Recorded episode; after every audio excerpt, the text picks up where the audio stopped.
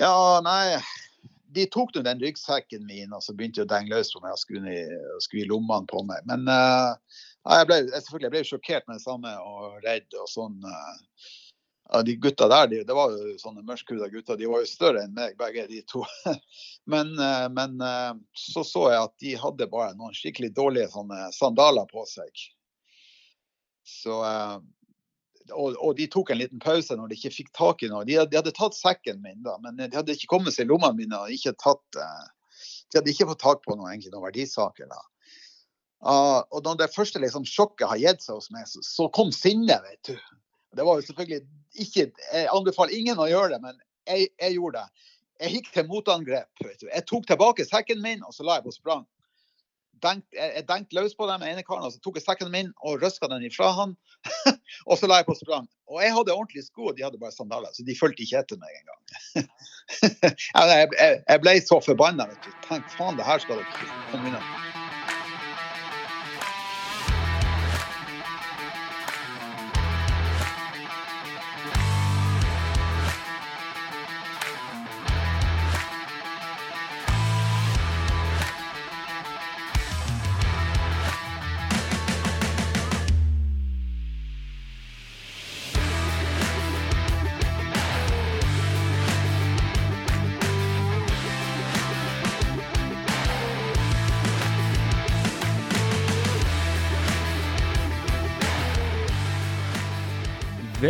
Velkommen tilbake til Rally Nord podkast. Mitt navn er som vanlig Dennis Travolta.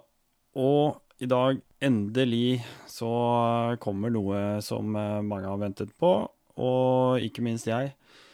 Ehm, for de som har eh, hørt en del episoder før, har jo vært med eh, i episoden Kurt Gjøran Andersen, mannen som mangler Afrika. Um, det blei en uh, Skal vi kalle det Det blei jo en ultraepisode. Uh, tre timer. Uh, og som jeg har sagt tidligere, har jo ikke egentlig noen begrensninger på hvor lang episoden skal være. Begrensningene den, den stopper seg egentlig på den reelle, aktuelle tiden når, når man spiller inn. Men Kurt Gjøran Andersen, han er jo lett å få i prat, han. Eh, det har jo ikke vært noe problem. Og, og eh, da, da, blir jo underholdningen desto større. Eh, både for deg som lytter, vil jeg tro, men den blir jo også veldig, veldig, veldig ålreit for meg. Nå er jo ikke jeg en sånn typisk intervjuer-type. Det er jo ikke det jeg ønsker heller. Podkasten er jo rett og slett samtaler. Eh, med gjest. Og, og, det er jo akkurat den derre, skal vi kalle det, kaffepraten, uh, eller praten over en øl, eller hva det er for noe, det er jo den som, som er viktig. Det er den som er reell. Det er den som er nerven i hele, hele ja, podkasten. Det er lavoktan det går i. Uh, selv om uh, kjøretøyene kanskje kan være fulle av fart. Men vi uh, måtte jo brått avslutte, eller vil si vi måtte ikke brått avslutte. Prøvde vel å avslutte en halvtimes tid, tenker jeg nesten, når, når Kurt Gjøran var i Sør-Amerika. Eh, og hoppa mellom eh, land oppe i nord, nordlige deler der sånn, i Mexico og Peru og ja, alle disse stedene han har vært. Han har jo vært så mange steder. Og han har jo så mye å fortelle. Og det er utrolig vanskelig å pakke inn det på eh, så kort tid. Det, det nytter nesten ikke. Så mm, det, det bare faller seg helt naturlig. Vi må jo ha en del to. Vi kan jo ikke bare avslutte det på den måten. Det er ikke sånn det fungerer. Ehm, så heldigvis så finner vi litt tid igjen, da. Og så kjører vi i gang del to. Um, dette her eh, blir moro. Uh, håper du også syns dette blir moro. Og så håper jeg at han er på telefonen. Jeg hadde litt startproblemer forrige gang. Nå har vi gjort en avtale, skal jeg ringe han igjen. Da håper jeg han er klar og forstår hvordan han skal finne høyttaleren sin og alle disse tingene. Vi slår bare rett på tråden, og så hopper vi i det. Så ser vi om vi klarer å plukke opp tråden litt sånn eh, ja, der hvor det på en måte slutta forrige gang. Skal vi se om vi får lyd på den.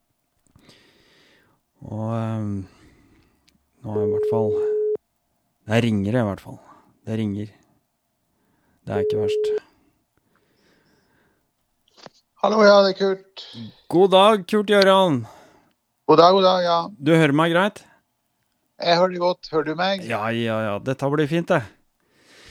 Du, jeg sitter akkurat og skryter opp litt den forrige episoden vi hadde, for at, eh, det var jo en skikkelig god prat. Ja, det ble en lang prat. Ja, men det var gøy, altså. Det var veldig gøy. Og, og det som er kult, er at jeg har fått veldig mye gode tilbakemeldinger på den. Det er mange som eh, Ja, man kan jo tenke litt da. Vi lagde en eh, tre timer lang podkast forrige gang, og det er klart eh, For noen så er ikke tre timer noe de har tid til, men som jeg sier, man kan jo egentlig bare legge fra seg podkasten og så bare trykke på play igjen når det passer. Ja, det går vel an. Så, så, her er det egentlig duket for uh, å bare bruke den tiden vi har til rådighet, og det vi føler er uh, naturlig. Mm. Hva har du gjort i det siste?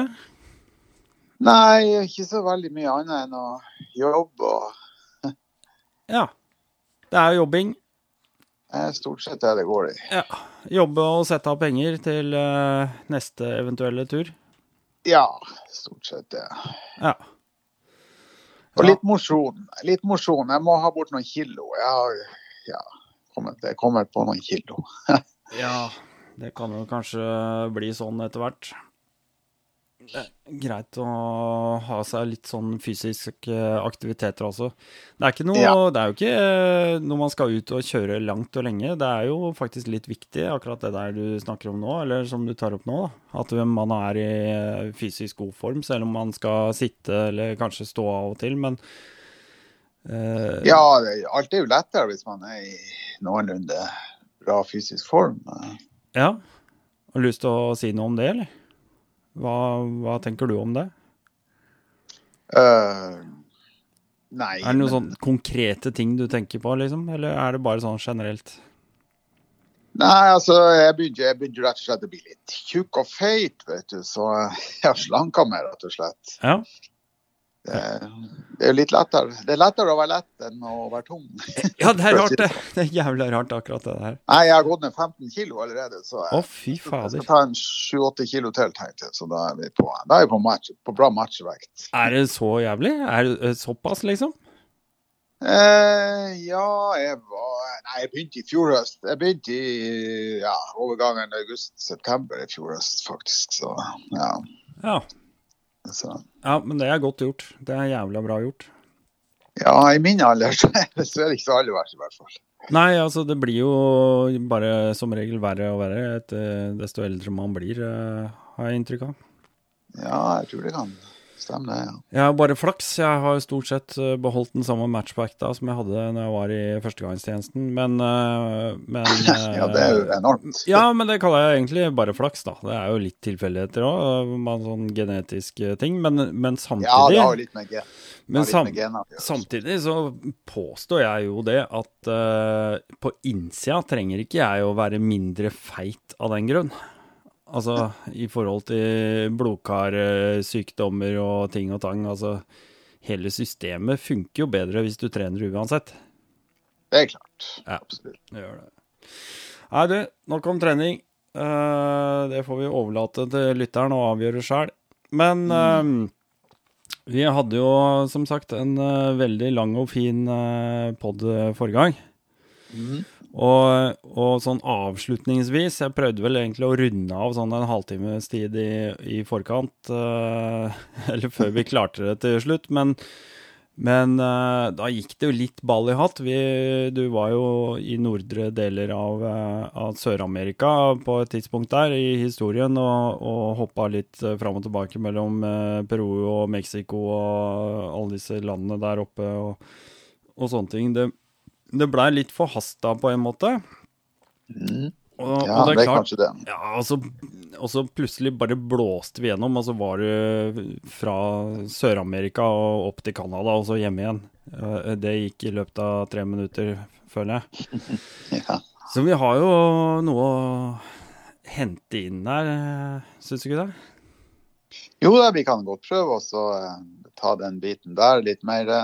Ja, skal vi ta, Nei, altså, ta den litt eh, roligere versjonen av det? mm. Um, du hadde jo på et tidspunkt eh, mye motetrøbbel med jammaen din. Uh, og du, mens denne var på verksted og ble kjørt litt fram og tilbake på lastebil osv., så, videre, så så fikk du låne, eller leide kanskje, en, en sykkel av en eh, finsk-tysk eh, kamerat av deg som eh, hadde noen motorsykler, og du trengte noen deler eh, som du kunne Ja, hjelpe til med. og sånn. Mika, som er, ja, han er jo tysk statsborger, men han er halvt finner. Ja. Ja, nei, Han traff jeg jo på Horizons Limited-møte i Argentina i desember 2016. eh, Ja. Uh, så han uh, beholdt jeg kontakten med, og når eh, og Det var jo bare noen uker senere at den der eh, Tenereen min stoppa nede i Patagonia. Og Ja. begynte å, å kuke lur meg. Og, Ja, det endte med at jeg tok ut motoren og sendte den med lastebil gjennom Argentina opp til Santiago i Chile, sånn 3000-3500 km. Ja. Ja, det var mye styr med det. Men, øh, og det ante meg at det her kom til å ta lang tid. Så han sa til meg så han, han, han der Mika, han bor i Bolivia. ja. Bor i en liten landsby oppe i fjellene der. Så, så han sa at jeg har en fem-seks sykler, sånn, bare kom opp til meg, så du få låne en så de her billig. Så, eller leie den billig. Så. Ja, så gjorde jeg jo det, da. Så, eh, så stoppa jeg i Santiago, eh, fløy opp dit, og så tok jeg meg noen deler til de syklene hans. da. Ja. Og så kom jeg opp til han, og så, eh, ja, så tok jeg en seks ukers eh, rundtur i, i Bolivia med en Suzuki DR 650 som, eh, som Mika hadde da. Og det var en maken sykkel som den du kjøpte deg når du var Ja, det er samme modell. Den, den, den jeg hadde i Bolivia, den var nok litt mer spissa ja, med tanke på Ja. Med tanke på reising. Men den var jo også mye gamlere og, og slitnere sånn sett. Men eh, ja. Den, eh, ja, jeg, fikk, eh, det var en, jeg hadde litt trøbbel med den, men det var, det var oljelekkasje på, på, side, på sidedekselet. På, side, eller, der, ja, Mm. på drevet, på drevsida. Okay. Men eh, jeg fikk jeg fiksa det underveis. Så, så, det, så jeg, jeg putra rundt på den i, i seks uker i Bolivia, og det var en kan- kanonopplevelse. Bolivia er også veldig, veldig spesielt. Ja. Hvordan, eh, Jeg tenker på Bolivia og alle disse her eh, landene i området der. Det, dette er jo eh, kanskje det mange ville forbundet med sånne narkostater og karteller og, og ting og tang. Hvordan, eh, hvordan er opplevelsen av den verdenen, hvis man skal se bort ifra, bortsett fra bare den der adventuren i seg sjøl og de hyggelige opplevelsene? Er det, er det noe man legger merke til sånn i, i bildet når man er i disse landene og reiser på den måten, eller? Jeg, jeg, har ikke, ja, jeg vet ikke hvor mye akkurat det er ut av det i Bolivia, men det er vel mer oppi når du kommer opp til Colombia, Ja, ja, ja kanskje jeg er surr. Har jeg inntrykk av. Men det er klart det, altså Kokablad, kokkablad det bruker de veldig mye. De, de lager jo te, og så tygger de på det. Mm, Og det er jo helt lovlig. Det er ikke noe Nei. Jeg drakk kokate, og jeg tygde kokablad jeg også. Ikke, du får ikke noe rus ut av det. Det er ikke mer stimulans enn en tobakk, tror jeg. nei. Det er jo helt vanlig kurante greier der. Ja. Men du, det må jo bearbeides på en spesiell måte for å få den der narkotika, Ja, kokain, eh, så vidt jeg har skjønt. eh. akkurat. Ja. Så, eh, jeg tror ikke Ja, ja, det, det- jeg vet ikke om det produseres kokain i Bolivia. Det gjør, kan godt tenkes at det gjøres. Ja, det- Men jeg tror det mer oppi, jeg tror det er mer oppi Colombia der. ja.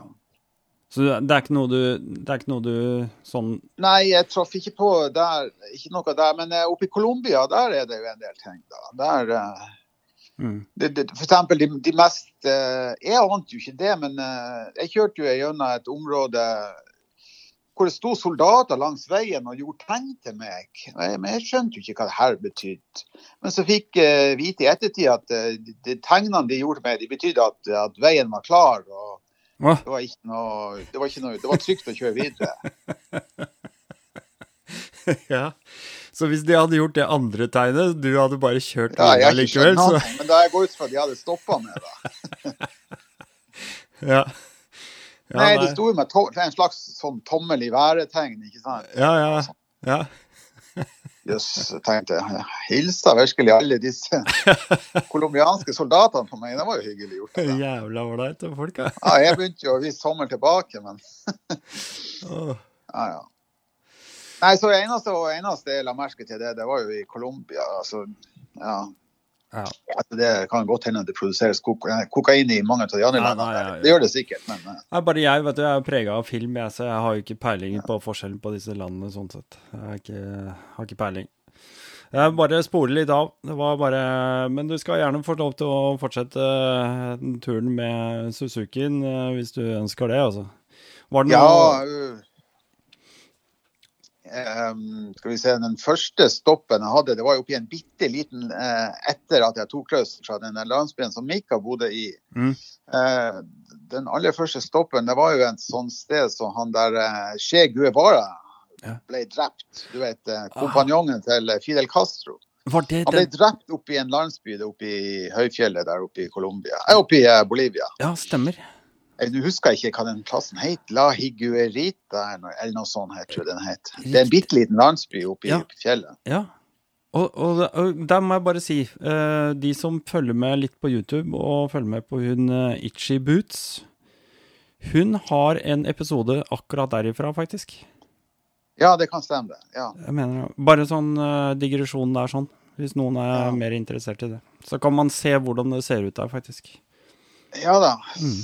Ehm, det er jo det er jo bitte lite grann, De har gjort bitte lite grann sånn turisme på det Ja. der. Å Ja. være et sted som uh, Che Guevara ble drept på. Ja, Så det er liksom litt sånn eh, bilder og litt sånn De selger litt juggel. og ja, ja. Det, det er noe sånt. Så det var, det var første stoppen min i Bolivia. Så neste stoppen var Sucre. En Mm. by som heter Sucre, som er delvis hovedstad. Den har vel noen, Det var vel den gamle hovedstaden i Bolivia. Mm. Uh, den har vel fremdeles noen hovedstadsfunksjoner. Den tror jeg den er delt mellom den og La Paz. Ok. Uh, den ligger på uh, Ja, det er kommet opp til 2600-700-800 meter, så du begynner å komme et stykke oppover, oppover opp i fjellene da. Mm. Mm. Ja, men en veldig fin by. Det, det, er grønt og fint, og, og hvitmalte hus. Det er veldig sprøtt å tenke på. Altså, I Norge, da, og, og du som, eh, som er fra Lofoten og sånt nå, hvor vi har eh, ja, det vi kaller store fjell, så har vi faktisk ikke ett fjell i Norge som er på høyde med disse byene engang. Nei, det, det, det er jo Det er litt sprøtt å tenke på. Det er litt sprøtt å tenke på, ja. Ja. Du kan si eh, Bolivia er jo eh, Hele den, hva skal jeg si, den sørvestre delen av Bolivia er jo De kaller det for altiplano. Mm. Altså høyfjellet, kan du oversette til. riktig, ja. Og det, det går jo Mye ligger jo på en eh, mellom 3 og 4, eller mellom 3 og 5000 meter med, med fjell over 6000 meter, Mm. fjelltopper. Så Ja. Jeg, jeg veit ikke. Åssen, åssen uh, takla du høyden? Eh, ja, du, du kjenner jo det. Du kjenner jo det. Det blir veldig fort eh, andpusten, for å si det sånn. Du Ja, kjenner jo at det er mindre oksygen i luften. Eller ja, det, det er tettheten av oksygen som er mindre, i hvert fall. Mm. Eh, jeg får eh, ikke, ikke, på, ikke oppi der, men når jeg kom opp til 4000 meter, da, da begynte jeg å få eh, litt sånn Du får litt sånn tung hodepine. Sånn dyp, tung hodepine. Ja. Men eh, det, det, det stoppa med det, altså. Men jeg fikk det ikke noe verre. Jeg Nei. fikk ikke noe mer symptomer enn det. Så. Nei. Ble du Jeg tok meg, jeg tok meg en, og det kommer liksom utpå kvelden ofte, så jeg tok meg en par Paracet Uh, mm. De første dagene for Ja. å ta kverken på hodepina. Og det, det, det gikk liksom greit. Ja. Du må bare du, du drikke masse væske og få i deg mye væske så du ikke blir dehydrert. Så, eh, Ja. Ellers ta det med ro. Du må ikke anstrenge deg for mye sånn fysisk. Nei. Men Så- Føler du at du ble mer aklimatisert akklimatisert etter hvert? Ja da, du blir det. Etter en stund så ble jeg det. Ja. Eh, Det gikk fint. Ja. Spesielt når jeg var i Peru etterpå senere, så da kjente jeg nesten ingenting. Ja, du kjenner jo at lufta er tynn og det blir Ja. fortere andpusten og sånn, det gjør det. Men, eh, Ja. Da, da hadde jeg eh, nesten ikke problemer med hodepine. Men eh, de første gangene jeg var på den høyden, da hadde jeg litt sånn hodepineproblemer. Men ikke mer enn det, altså. Nei. Så ja. Nei, det kan jo være Det er jo de som får det mye sterkere enn det, da, selvfølgelig. Og Så er det jo de som ikke får det. Nesten ikke kjenner noen ting i det hele tatt. Så Ja. Det er jo mange forskjellige. Jeg tror jeg er Jeg har ikke vært så veldig høyt noen gang, jeg også, men, eh, men jeg tror jeg er en av de som kjenner det litt sånn fort. Eller i hvert fall får en følelse av å kjenne det. Jeg vet ikke helt. Men sånn er det. Ja. Så da Nei, så Ja. Sukkeret var noen dager, og så kjørte vi videre til, eh, til, til La Paz, den, den som vel regnes som hovedstaden. Og det er jo en veldig spesiell by, og det er jo verdens høyestliggende hovedstad. Mm. Den, den ligger jo bortimot på 4000 meter. eh, 3800-900 meter. Ja. og det, det er en ganske spesiell by. Ja. Der driver de og, og, og lager på en måte Byens transportsystem er taubaner OK. liksom, som går ifra Ja, den ligger på en måte ned i et dalsøkk, eh, altså oppover fjellsiden. Jaha. Det, det var jo veldig spesielt å få ta de der taubanene. Ja, er det taubaner? det var rød linje, gul linje, blå og grønn linje. men, men de taubanene, er det ut ifra og ned, eller er det eh, videre opp ifra byen, eller? Ja, den går jo ifra kan si, dalbunnen, altså oppover fjellsida, opp til toppen. OK.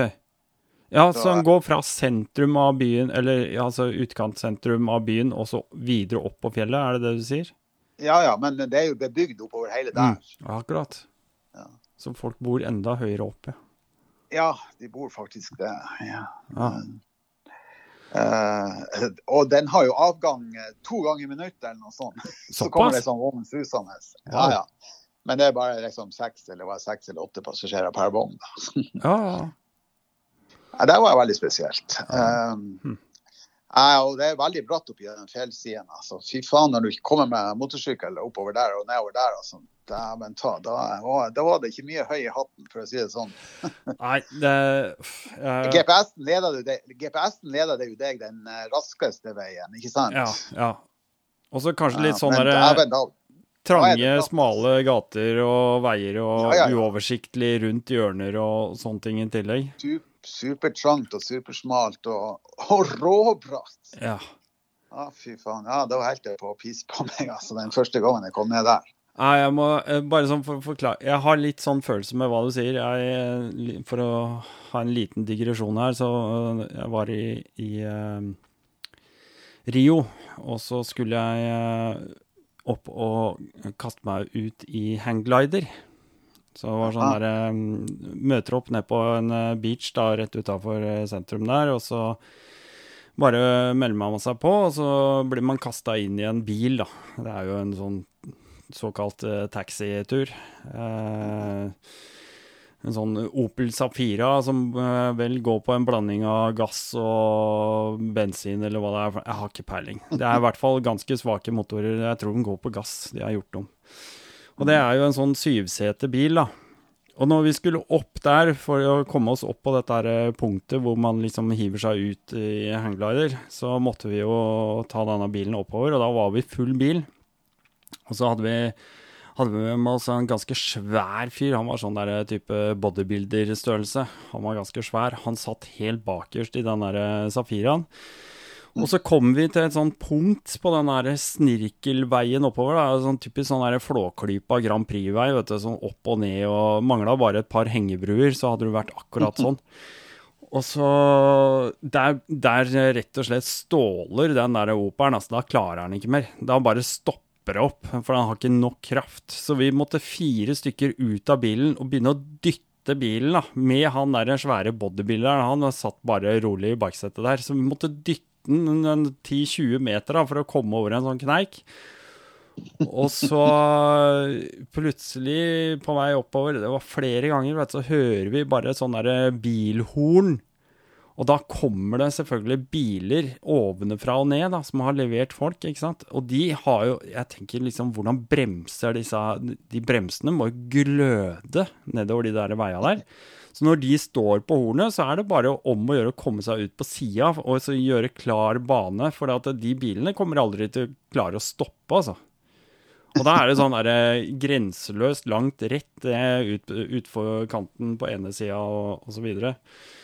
Og av det følget som var i den bilen, så var det bare jeg som eh, hoppa ut i hangglider. Og jeg tenkte herre min, jeg hopper heller ut i den hangglideren her enn å være med den bilen ned igjen. For det hadde jeg fader ikke turt, ass. Var jeg, jeg, vært, jeg, var mer livredd for det uh, enn å, å, hive meg ut i en sånn hangglider. Men uh, ja, det er en annen historie. Det, de, de, veiene, de, de, tror jeg har en god følelse med hvordan, hvordan, hvordan det er. Ja. det er et spesielt land. Eller spesielt uh, annerledes enn det vi er vant med her i Norge. Ja. En, en liten digresjon, bare fra min ja, side. Sånn er det. Nei da. Her er det bratteste veiene jeg har opplevd i hele mitt syndige liv. Altså, det var altså. Ja. ja da, nei, jeg var nå noen dager i La Paz. Så kjørte jeg ut til uh, skal vi se, hvor var han da? Ja, den der, den der gruvebyen med de der sølvgruvene i. Uh, ja. den da? Ja. Uh, jeg husker, nei. Jeg husker ikke helt hva den byen het, men det, den er den mest berømte gruvebyen i uh, Bolivia. Skal vi se ja. uh, Ligger på 4000 meter over havet, den også. Ja. Var jeg tur ned i gruven der. Ja, du var med der, ja. Guide. Eh, så for jeg videre til Ujuni, der den der eh, verdens største saltørsken ligger. Ja. Der du så det bildet mitt fra, kanskje? Ja, jeg vet ikke om jeg har sett. Jo, den, den Jeg la til et nytt okay. bilde på Facebook. Ok, ok, ok. Um, det der Dakar-monumentet Dakar midt ute i, ja. ut i den uh, mm. saltørskenen, mm. juni-saltørskenen der. Ja. ja. Det, det bildet der. Åssen uh, er det på motorsykkelen, Er det, er det noe særlig å anbefale å kjøre på sånne saltørkener, eller er det Ja, så lenge den er tørr, så er, så er det ikke ja, noe problem. Akkurat. Bare vask den godt etterpå. da. Ja. Men, men, i regntida så er den litt uh, oversvømt, i hvert fall innmed land der. Altså, mm. Så da er det Du vet, det, for, det første gangen jeg var der nå med den der sykkelen til han Mika, så uh, Det var i regntida. Så da var den på en måte inngangen til den der Eller de første 100 meterne utover Eh, de var jo oversvømt. Det var en sånn 10-20 cm med vann. Mm. Overflatevann oppå den. Så da gidda ikke jeg å kjøre. Jeg visste jo egentlig ikke hvor, hvor, hvor, mye av den Om det var hele innsjøen som var overflødd, eller um, Eller det var bare litt, da. Så jeg, jeg, også var det jo ikke min egen sykkel heller, så jeg, Nei. Så det første lånet var der da, da, da tok jeg bare en sånn her eh, Toyota Landcruiser-tur utover. Å oh, ja. Mm. Det er jo masse sånn turist, eh, ja, folk som blir kjørt. Ja, ja, ja. Så tok jeg en dagstur utover der med, med, land, med Landcruiser. Mm. Og, ja. Eh, men gangen etterpå, når jeg var med Neia, når jeg var med Teneren, da kjørte jeg. Da var det tørt. Det, men det, det, bare, det, var bare de første 100 meterne, 300-400-500 meter. Mm. Så var det tørt. Og da var det den første gangen også. Så. Men ja. man må jo alltid sjekke det litt. Grann. Det, det, var, det, var, også en første gangen jeg var der, da var det også en eh, det var, det var en sånn motorsykkelturist som hadde knalla ut på der. Mm. Og den er jo for det meste eh, flat og fin. Litt humpete, den saltørkenen. Men eh, det er noen huller her og der. Ja. Når det, men når det er dekket av vann, det er ikke så lett å se det. vet du. Så Det var en, det var en kar på en uh, større, stor motorsykkel som hadde, som hadde, som hadde krasja der og knekt beinet. og ja. ja, måtte evakueres, og motorsykkelen ble evakuert etterpå. Ja. Det er ikke noe artig. Nei. Nei, det er jo risiko. Det har vi snakka om før. Det er jo alltid det. Nei, men Det er fint å kjøre. Jeg kjørte andre gangen jeg var på egen sykkel. På den turneen. da. Da var det. Da kjørte jeg rundt. Det ligger to sånne øyer uti der. Og, ja. Ja. Det ligger jo et sånt eh, hotell midt uti der også, men det er jo av, avbefolka nå. Det er ikke i bruk lenger. Ja Um, ja, for det Ja, riktig. Der, eh, jeg tror jeg har sett noen bilder fra det greiene der. Mm. Det var vel egentlig en slags fabrikksgreie der ute, eller? Åssen var det? Nei, det er hotellet tror jeg har vært i bruk, men uh, Ja, OK. men nå er det Jeg, jeg har hørt jo helt sikkert historien Ja. hvorfor det ikke er i bruk lenger. ja, Men eh, jeg husker ikke det nå. Nei. Nei. Nei, så er det jo også en sånn kul eh, Ja, forresten. Ja, det er jo også en sånn kul annet sted på andre, andre sida av juni der. Det er jo en sånn um, togkirkegård. Ja. Vet, for det, det ble jo utbygd masse jernbane ut i tid pga. alle metallutvinninga. metallutvinninger. Ja. Eh, Sølv og gull og kopper og gudene vet. Alle de metallene de utvinner der. eh, På slutten av 1800-tallet og begynnelsen av 1900-tallet. da, Men, eh, men eh, så gikk det i, i mink igjen, eh, de der metallforekomstene. Så nå eh, eh, De fleste de, de, de togene de ble, eh, de blir liggende der. Mange typer tog. og ja. de er, de er liksom sam, samla i et område utenfor Juni, der, som togkirkegård. Det er også litt sånn, Og det er sånne sånn gamle, turist, turistgreier å dra og se på de, alle de gamle togene. gamle damplokomotiv og sånn, eller? Ja da. Ja. Ja. Det er litt stilig. ja det er litt stilig. Det er sånn sånne der dinosaurer fra en helt annen eh, tid. Ja da, de togene er jo sikkert 80-100 år gamle. Ja, ja, ja. Hm.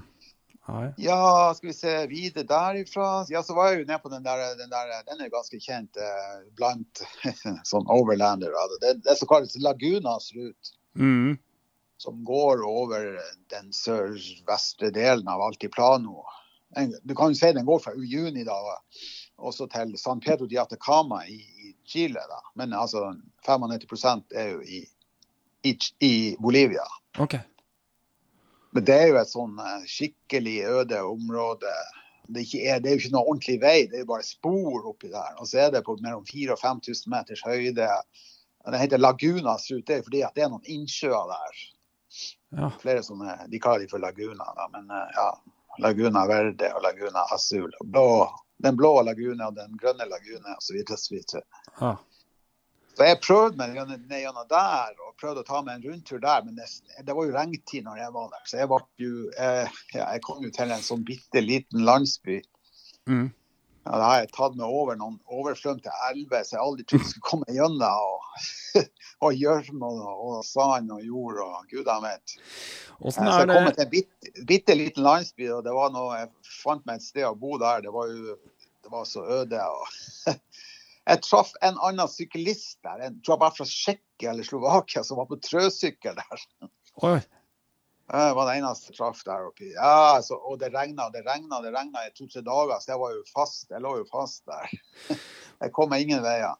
Den, for den elva jeg hadde kommet over, den var, den var, den var så høyt at jeg har aldri tort å Har jeg visst hvor høy den var, så har jeg ikke Nei. kjørt over den. Men, og så regna det i ett i to-tre døgn, jeg så det gikk ikke an å kjøre tilbake den veien. Så da måtte jeg kjøre den andre veien tilbake. Det ble bare større og større. Eh, ja, elva ble jo større og større. Ja, ja. ja. Så jeg, jeg torde ikke kjøre den veien tilbake, så jeg kjørte en annen vei tilbake. Men det måtte jo vente.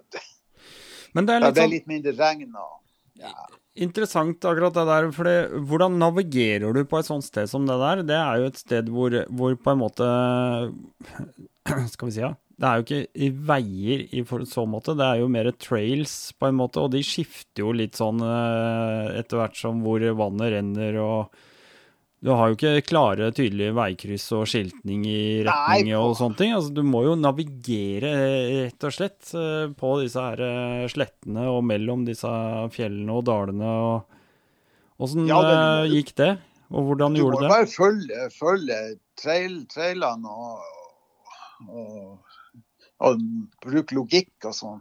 Mm. Uh, Møter du mange underveis som du kan spørre og sånn, eller? Eh, nei, på vei ut fra den landsbyen så måtte jeg kjøre over noen fjell. på, Det tror jeg var bortimot på 5000 meters høyde. For den landsbyen lå på en 4200. Oi.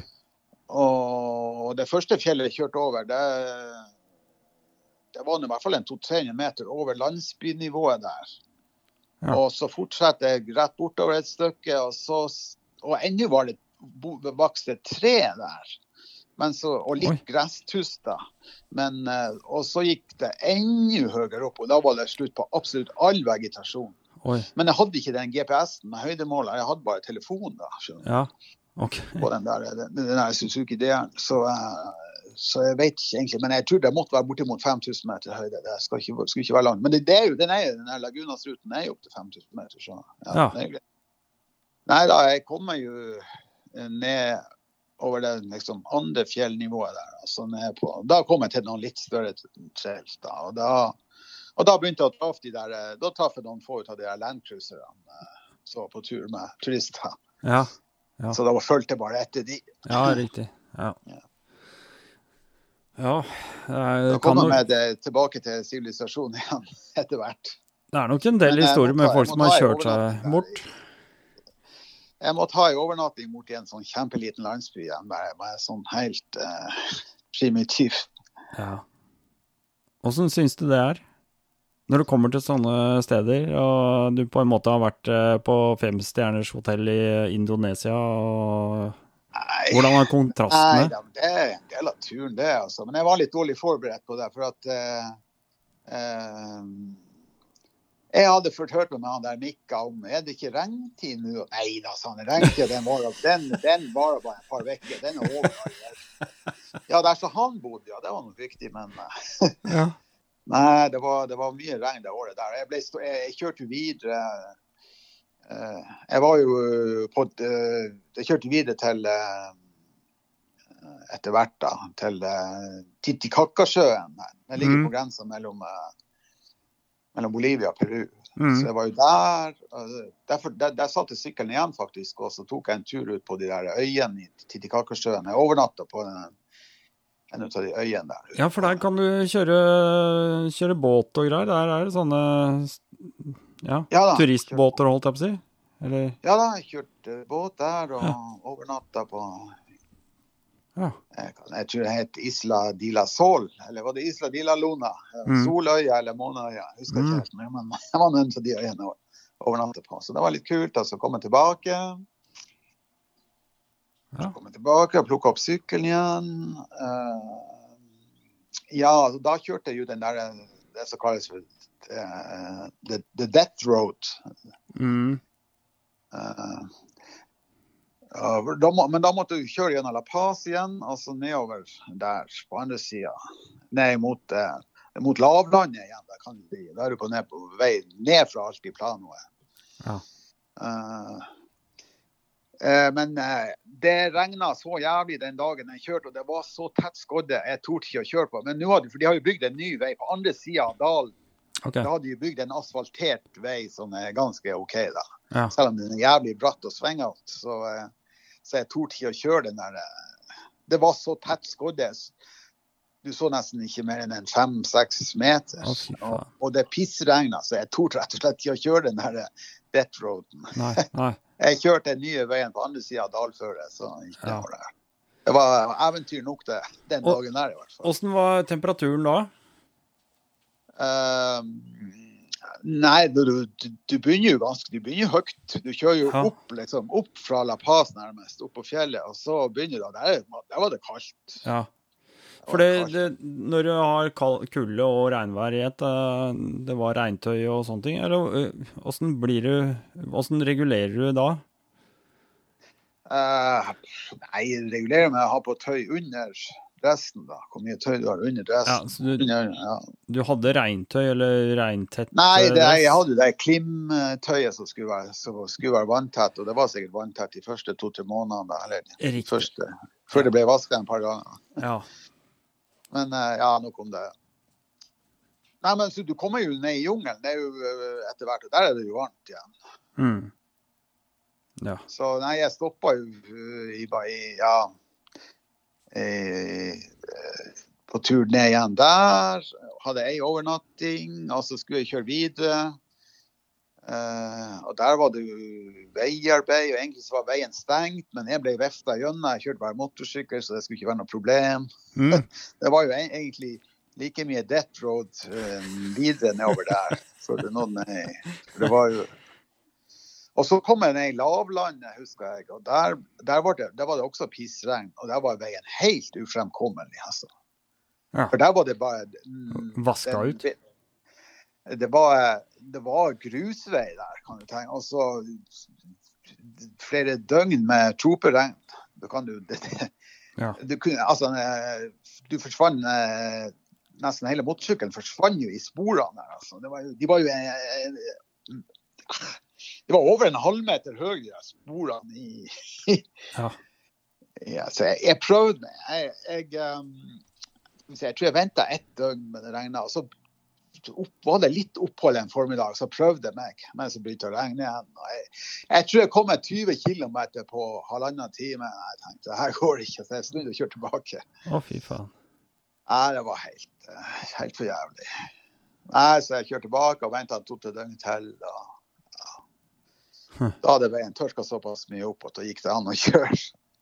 Det er helt sprøtt. Ja, nede i, nede i lavlandet der er det, er det mye grusvei. Det er ikke, det er ikke asfaltert engang. Så, Nei. det-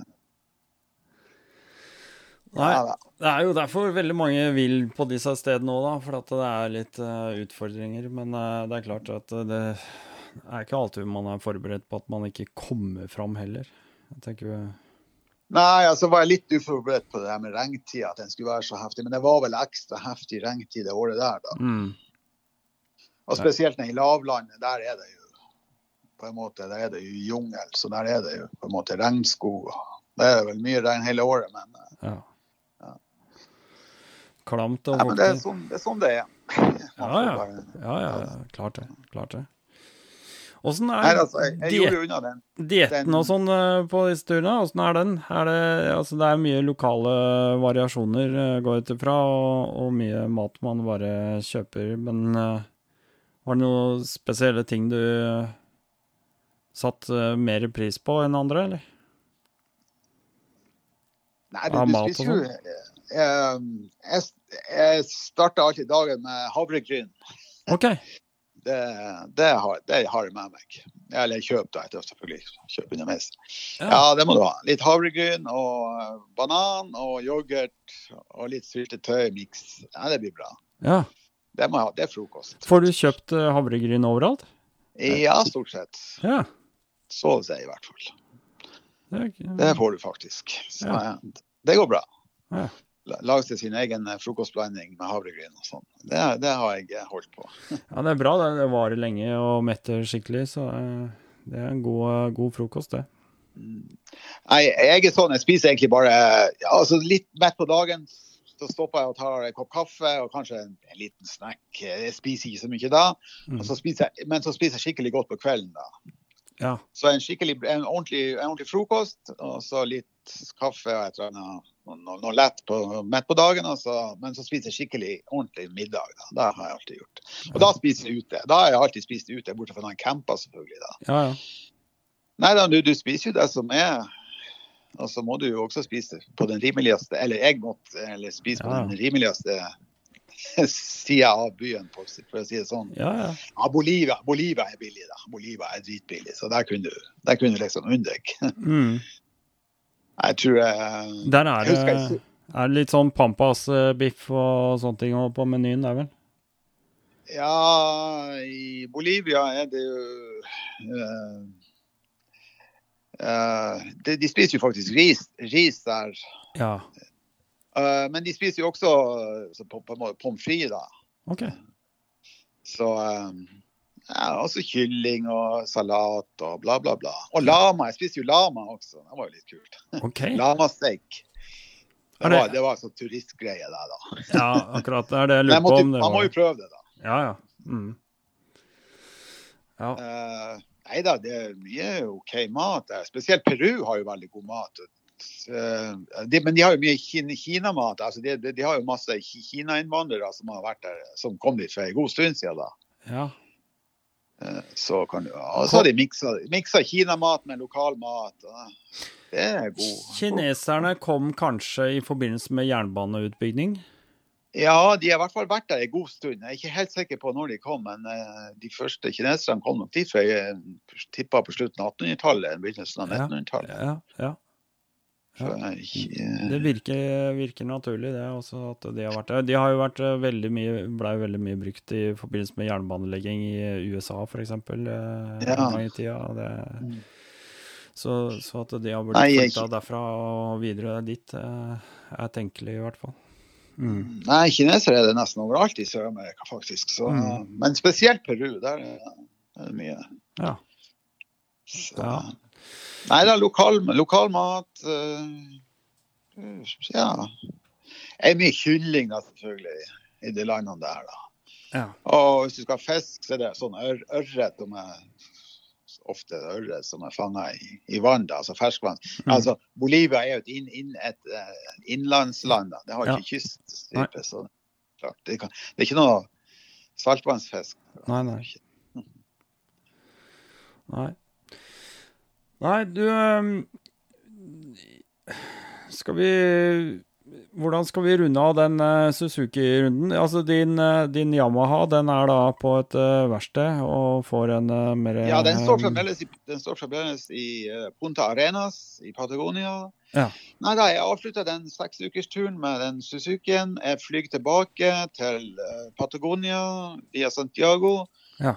Eh, men motoren som, er, som har vært i eh, eh, som har vært i Santiago til reparasjon, var ennå ikke kommet. Så jeg tror jeg venta ei uke eller to på at den skulle komme tilbake. Og så kom han fyren som hadde fiksa den. Ja.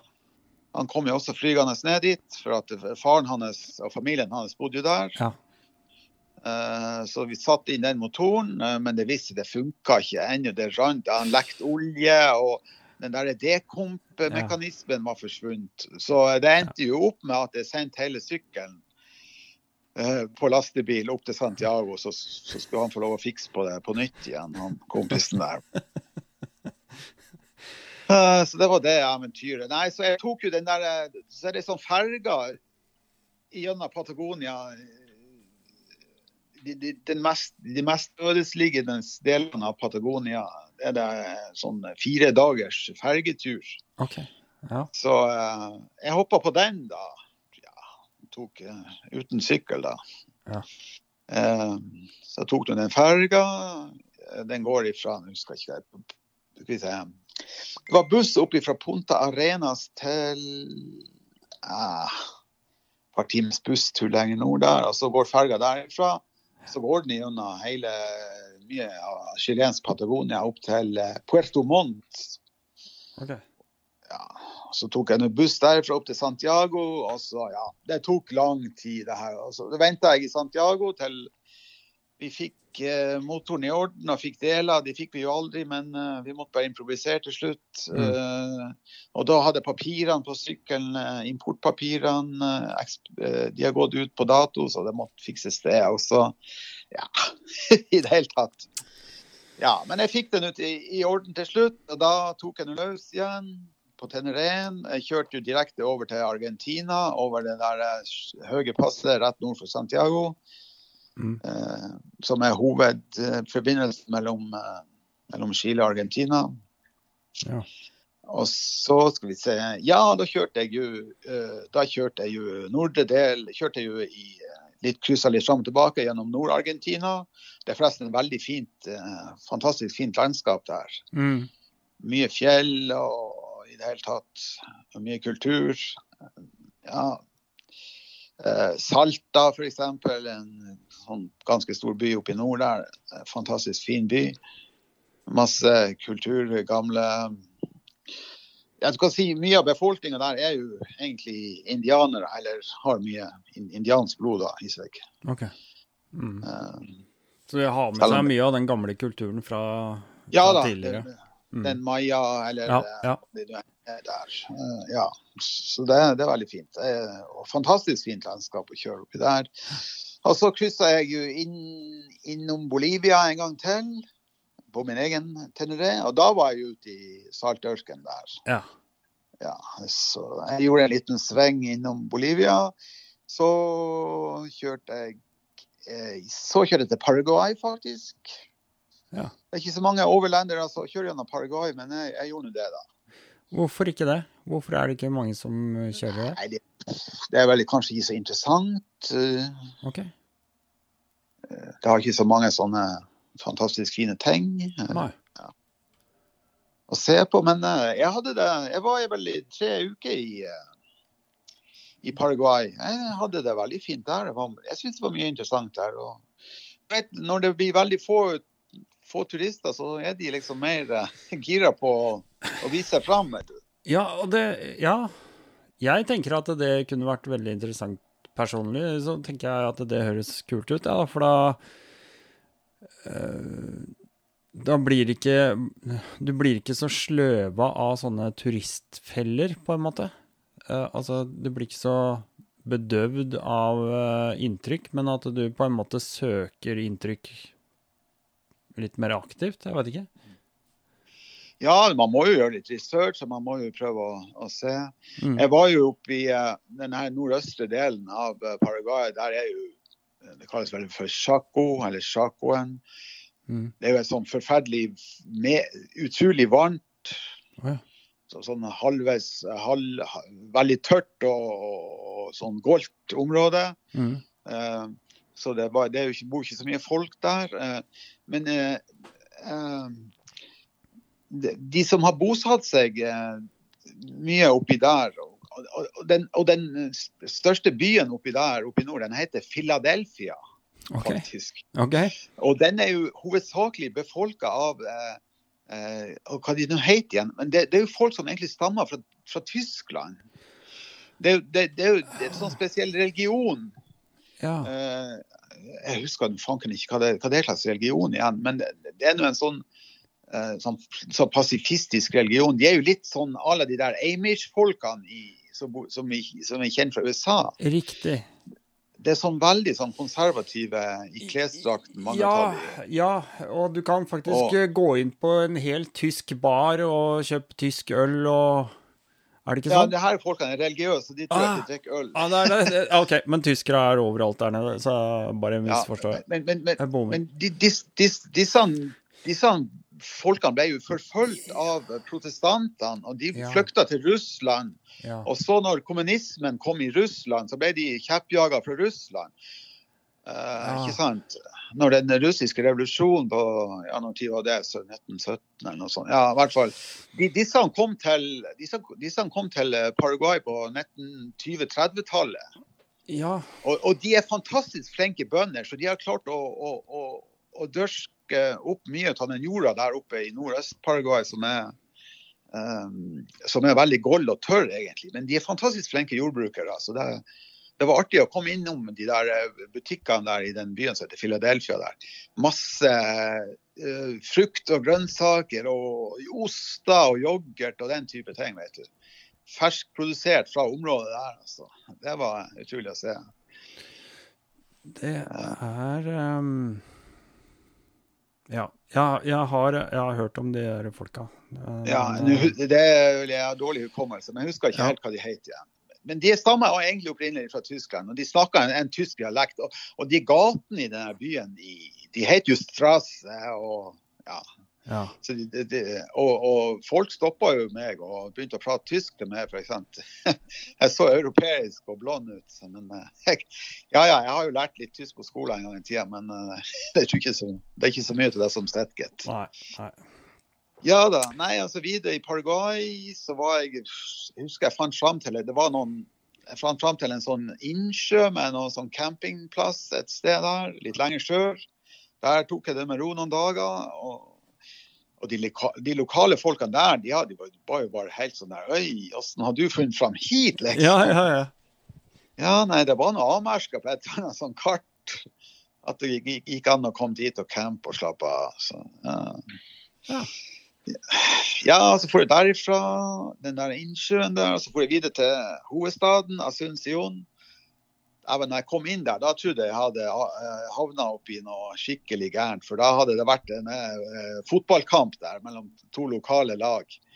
ja. Og jeg havna jo midt, og kampen var akkurat ferdig, og det strømma ut altså, tusenvis av tilskuere som- med ikke sant, eh, farge og eh, drakter til lagene sine, og i, sikkert drukket masse brennevin og øl. Og, ja, ja. og roping og skriking. Og, Men heldigvis, jeg måtte bare Jeg ble, jeg ble ikke angrepet. Jeg regna med at jeg ble, skulle bli angrepet da jeg trena en mobb der, men det gikk bra.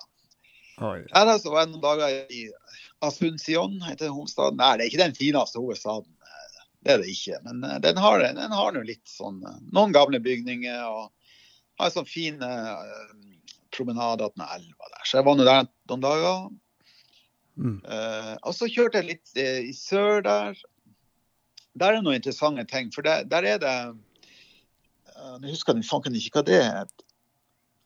Men det er en sånn munkeorden som, som dro fra Europa okay. og bygde opp, bygde opp um, de, uh, så bygde opp flere sånne byer, samfunn, over ganske ikke, ikke bare i Paraguay, men det finnes i Argentina og i Bolivia også. Okay. Og Nå står det også stilt for meg, men hva heter den munkeordenen munkeorden igjen? Det er ikke jesuitter, men uh, ja, det var en sånn munkeorden. Men de ble, de ble altså de ble så store og på en måte populære at, at paven forbød dem til slutt. Såpass? Ja. eh, Men eh, mange av de, de, de der eh, De, de finnes, Mange av de der eh, samfunnene de, der, de bygde opp der, eh, de finnes og de er restaurert, og de er holdt eh, er faktisk holdt i, i god stand. Så, du, så jeg var og kikka på en par av de um, plassene der. Uh, uff, hva de heter igjen? det her? Fransiskanermunker, kanskje? Nei, jeg, jeg husker ikke det. Men det er ikke noe problem å finne ut hvis man googler, googler det. Nei da. Nei, da. Nei, men det er jo artig Altså, så mange typer ordener og så mange sånne undergreier som har flykta fra Europa. Mhm. liksom eh, finne seg nytt land, eh, eller ja, tatt seg til rette, da, mer eller mindre, i, i Sør-Amerika. Det er utrolig Ja, det- hvordan det har blitt påvirka opp gjennom årene. Det har det. det har det, det, har det. Nei da, så skal vi se, og så videre. Ja, så kjørte jeg jo til grensa der eh, i eh, Der som eh, Ja, det, det jeg dro for å se, var jo foss i Iguazu. Det er jo et av verdens største fossefall. Mm. Det ligger på grensa mellom dersom der som Paraguay, eh, Argentina og Brasil møtes. Det er jo en sånn, eh, sånn trerikssak der. Ja. Og der er jo den der kjempefossen, Foss i Iguazu. Eh, så jeg kjørte over til Brasil, uh, kryssa over til Brasil, eh, og så stoppa jeg litt der. Eh, og den byen heter jo også Foss de Iguazu. Ja. Den byen i Brasil, i hvert fall. Så da stoppa jeg der og kikka litt på den eh, fossen der, det er fantastisk, altså. Det er helt utrolig. ja. Det er jo de svære fossefallene som kommer liksom bare rett ut av jungelen, og så detter Ja. flere hundre meter ned. Og, det er ikke bare ett. det er liksom, Du blir jo tatt med uti med så det, kommer, det kommer liksom ti forskjellige fossefall på alle kanter i jungelen. Uh, ja, det er ganske Åssen er det? Ligger det sånne turistbåter og dupper nede i eh, avgrunnen der òg, eller? Eh, Jeg vet ikke om du Eller er det bare på. sånne platåer du kan stå og se på? Ja, det er, sånn, i hvert fall det er mulig du kan ta det fra Argentinas sida, at du kan ta båter med Men jeg tror ikke Mm. du kunne ta båt der. Jeg, ikke, jeg kan ikke huske det. Nei, men Det er sånne platåer som er bygd opp, du, du kan se, og, og stier som er lagt rundt her. Det, det, er, det er veldig turistifisert, det er jo for så vidt det, men eh, eh, jeg tror nesten det må være sånn for at det skal bli Mm. Ja, det er bygd veier med buss innover, ikke sant. Så. Jeg, var, jeg var veldig skeptisk til å begynne med. Mm. Det må jeg si. Jeg var veldig skeptisk. Men når du kommer dit og får se det, da, da det liksom Da var det greit. Ja. Da skjønner du hvorfor det er så turistifisert. Liksom. var, det var virkelig fantastisk. da. ja. Det var det. Det kommer svære fossefall ut av, liksom bare rett ut av jungelen og detter mange titalls meter ned, noen ganger hundre meter ned. Og, og det er ikke bare ett. Det kommer liksom, det er titalls forskjellige på, som rundt overalt, på en måte. Mye støy? Ja, det er veldig mye støy, da. Det er jo det, selvfølgelig. Og vannsprut også, når du Ja. går nært. Men uh, det er nå sånn det er. Ja, ja, ja. Så det, det, var, det var virkelig interessant å se. Det var en av de uh, Jeg vil si det var den nest største naturopplevelsen jeg hadde på turen. Altså, av sånne naturlige. Grand Canyon i USA var det, var det største. Altså. Det var helt fantastisk. Men uh, Foss er nummer to. En god nummer to. Mm. Ja. Ja, det da, da, er det, da, er det, virkelig spektakulært når du, når du sier det sånn.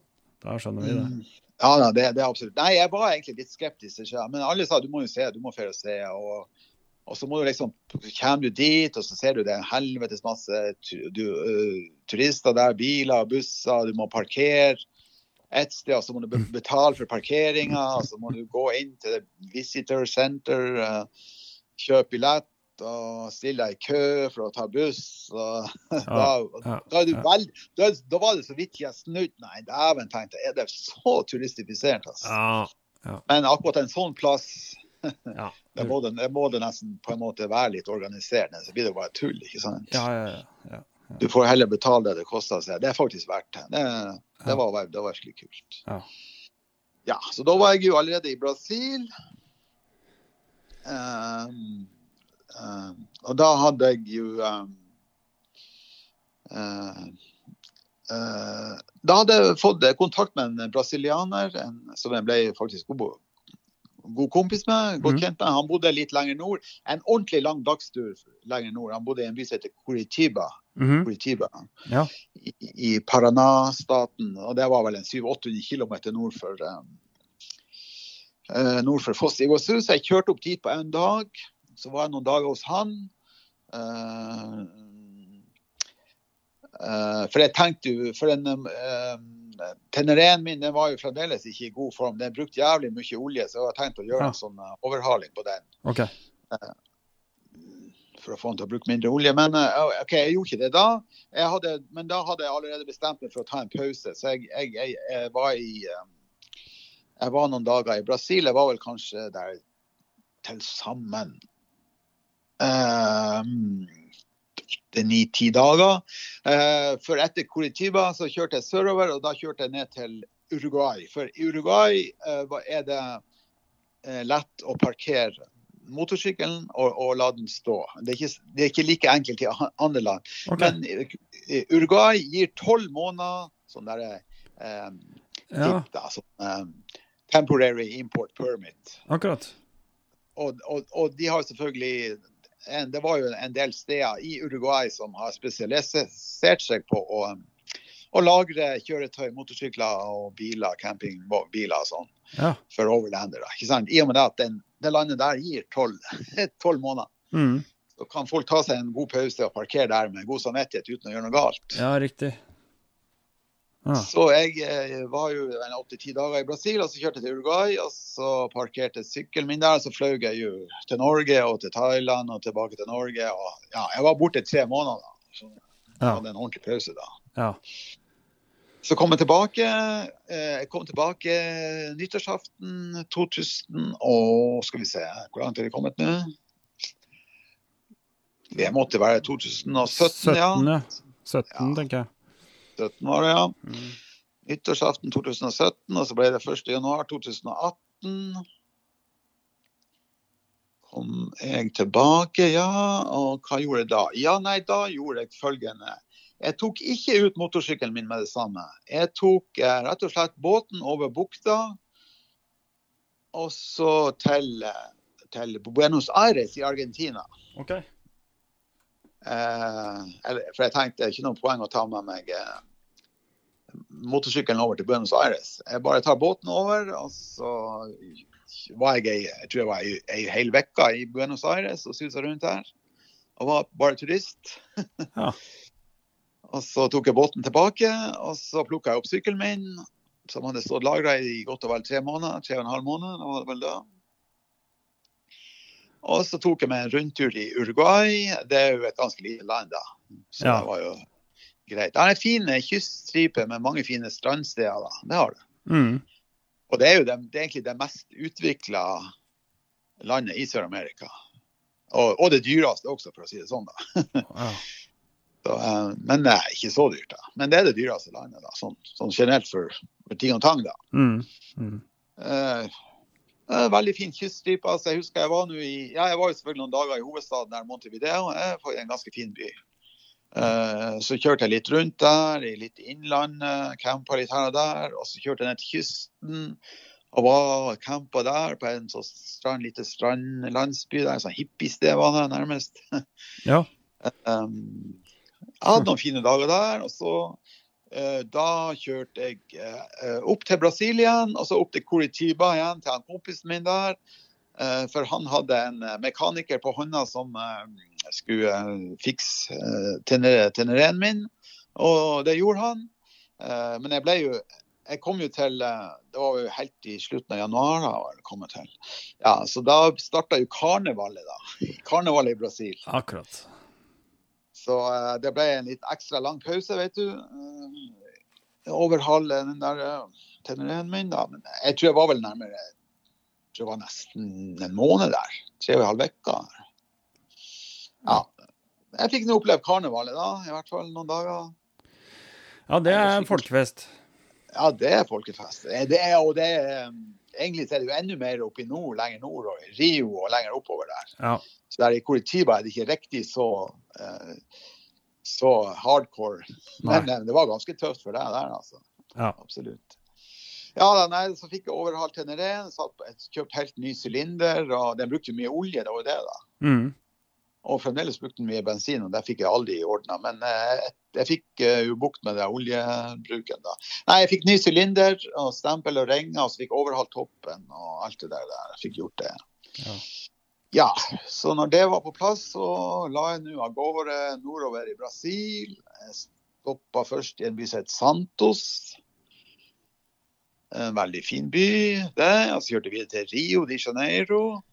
Det var kult å komme dit på min egen motorsykkel. Ja, ja, ja. Det tror jeg var hel uke også i Rio. Ja, Det kan du Bare for rundt og, og så på alle de, de tingene som er å se på der. Det er Mm. ganske mange fine ting der. Mm. Mm. Sugarloaf og den Kristus-statuen og alle de der eh, strendene der. Ja. Copacabana og gudene vet hva de heter. Jeg var og feira nyttårsaften på Copacabana. Det var sikkert helt OK. Ja, Tre millioner eh, folk på stranda. Ja, fy faen. Eh, altså, jeg- liksom sånn helt uten å overdrive. Jeg tror det var eh, over tre millioner mennesker på stranda. Ja, Ute i Laguna hadde de lagt ut tre svære lektere fulle av fyrverkeri som varte i en time og et kvarter i strekk. Og, det, Ja, og da går det som sild i tønne på stranda der nede. Altså, det er, det er, det er mest makeløse jeg har opplevd noen gang. Det er helt utrolig, altså. ja, de kan det med å feste og få Ja, liv. fy Det kan de i Brasil. Helt sinnssykt. Ja. Ja da, skal vi se. Etter der, ja. Da satte jeg kursen eh, litt innover i landet. Ja, jeg var i den byen som heter Belo Horizonte. ja. Som betyr eh, fin horisont. Mm. Eller skjønn horisont, eller noe sånt. Rett nordover, eh, nesten. Fra Ja, det blir liksom inn, litt inn og litt Ja. nordover. Ja. ja.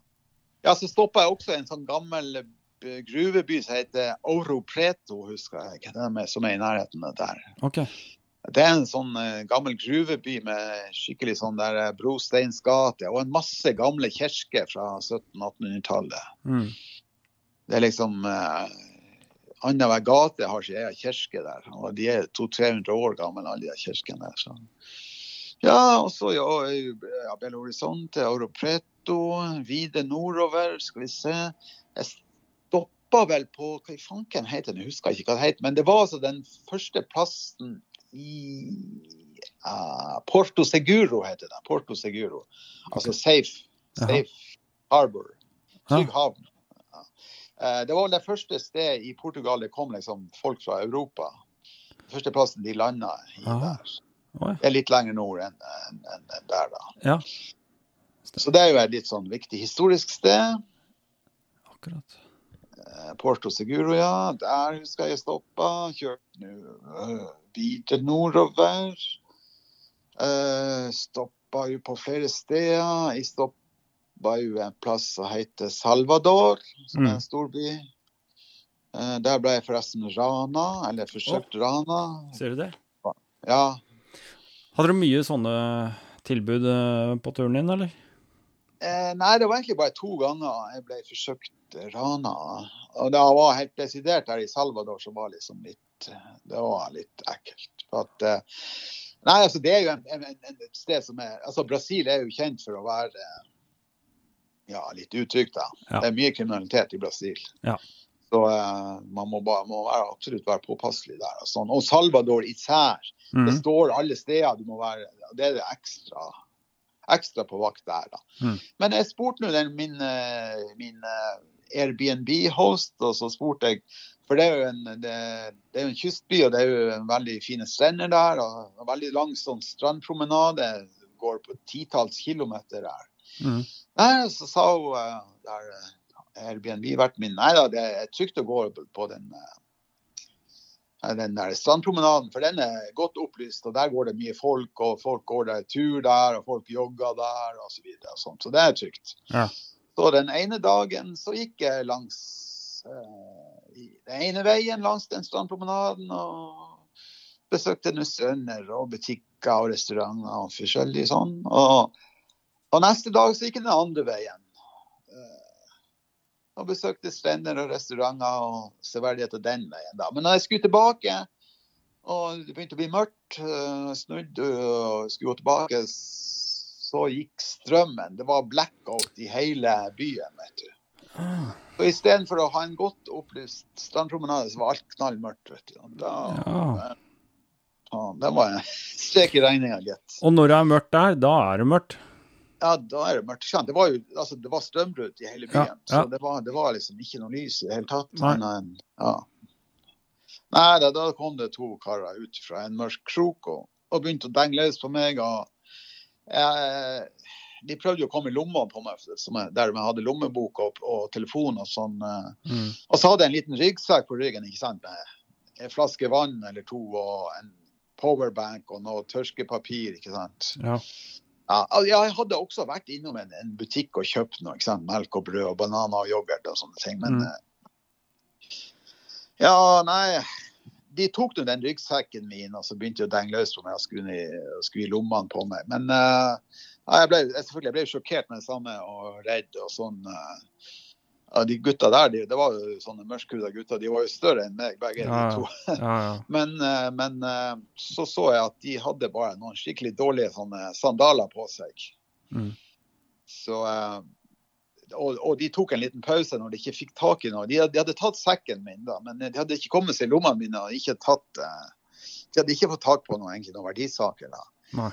Ah, og når det første liksom, sjokket har gitt seg hos meg, så, så kom sinnet. vet du. ja. Det var jo selvfølgelig ikke Jeg anbefaler ingen å gjøre det, men jeg, jeg gjorde det.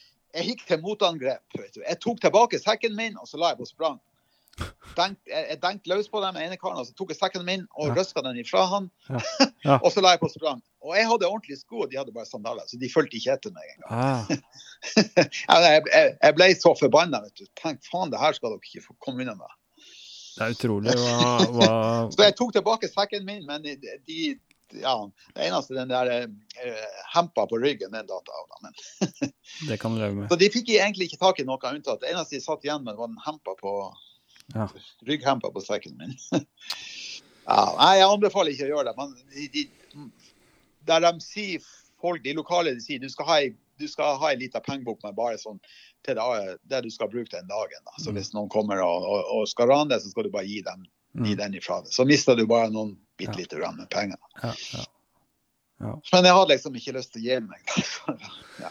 Nei, det er vanskelig å si hvordan man reagerer i sånne situasjoner.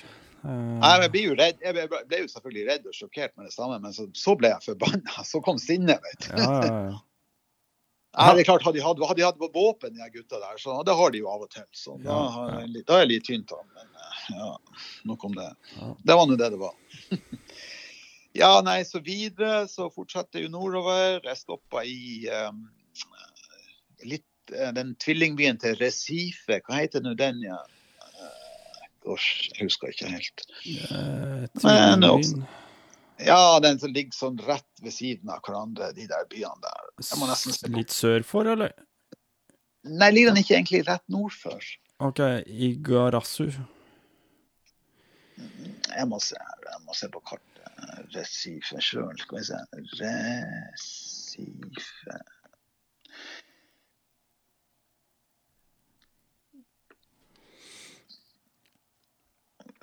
Mens du nå ser på det kartet, så skal jeg eh, så vi, Olinda heter byen. Olinda heter den, ja. Ja, Men da kan vi bare ta en bitte liten break her, så skal jeg bytte batterier på opptakeren før eh, den plutselig bare streiker av seg sjøl.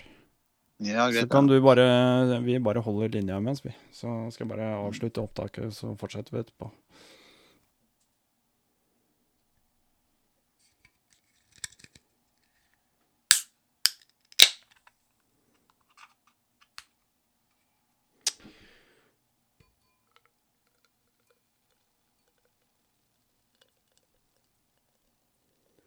Ja, det her, det er han eh, Ove Erlander fra redaksjonen. Jeg tenkte det at eh, medan eh, han Travolta har en liten pause og bytter batterier, så ville jeg melde fra at vi har fått en sponsor. Det er han Thomas som har valgt å sponse denne episoden med å bli Patrion. Og det syns vi er skikkelig hyggelig.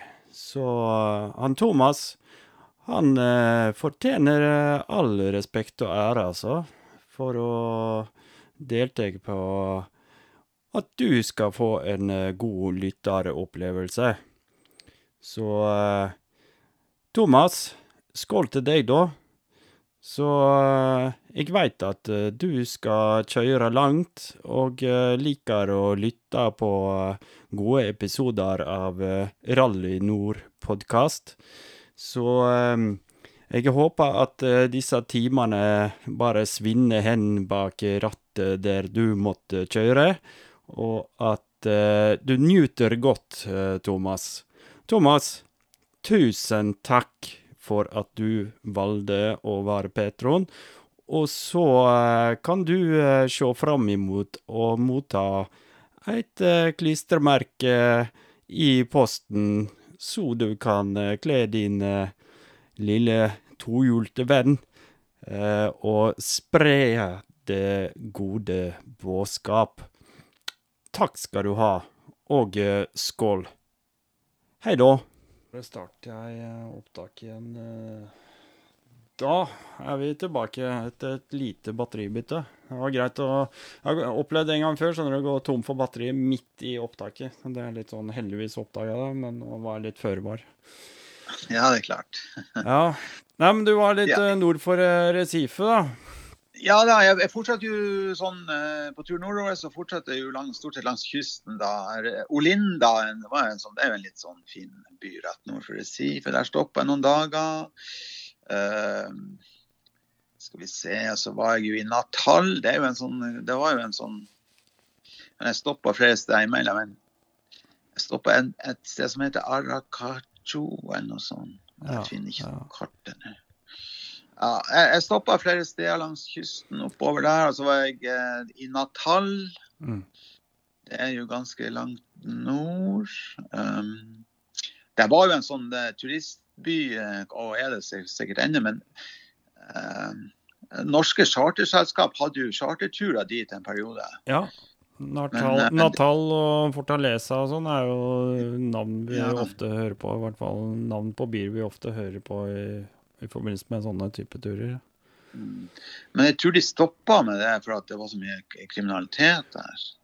Ja, Var det ikke der vi hadde noen sånne folk med litt uærlige hensikter og boligutbygging og sånt her for, Ja, for noen år siden også?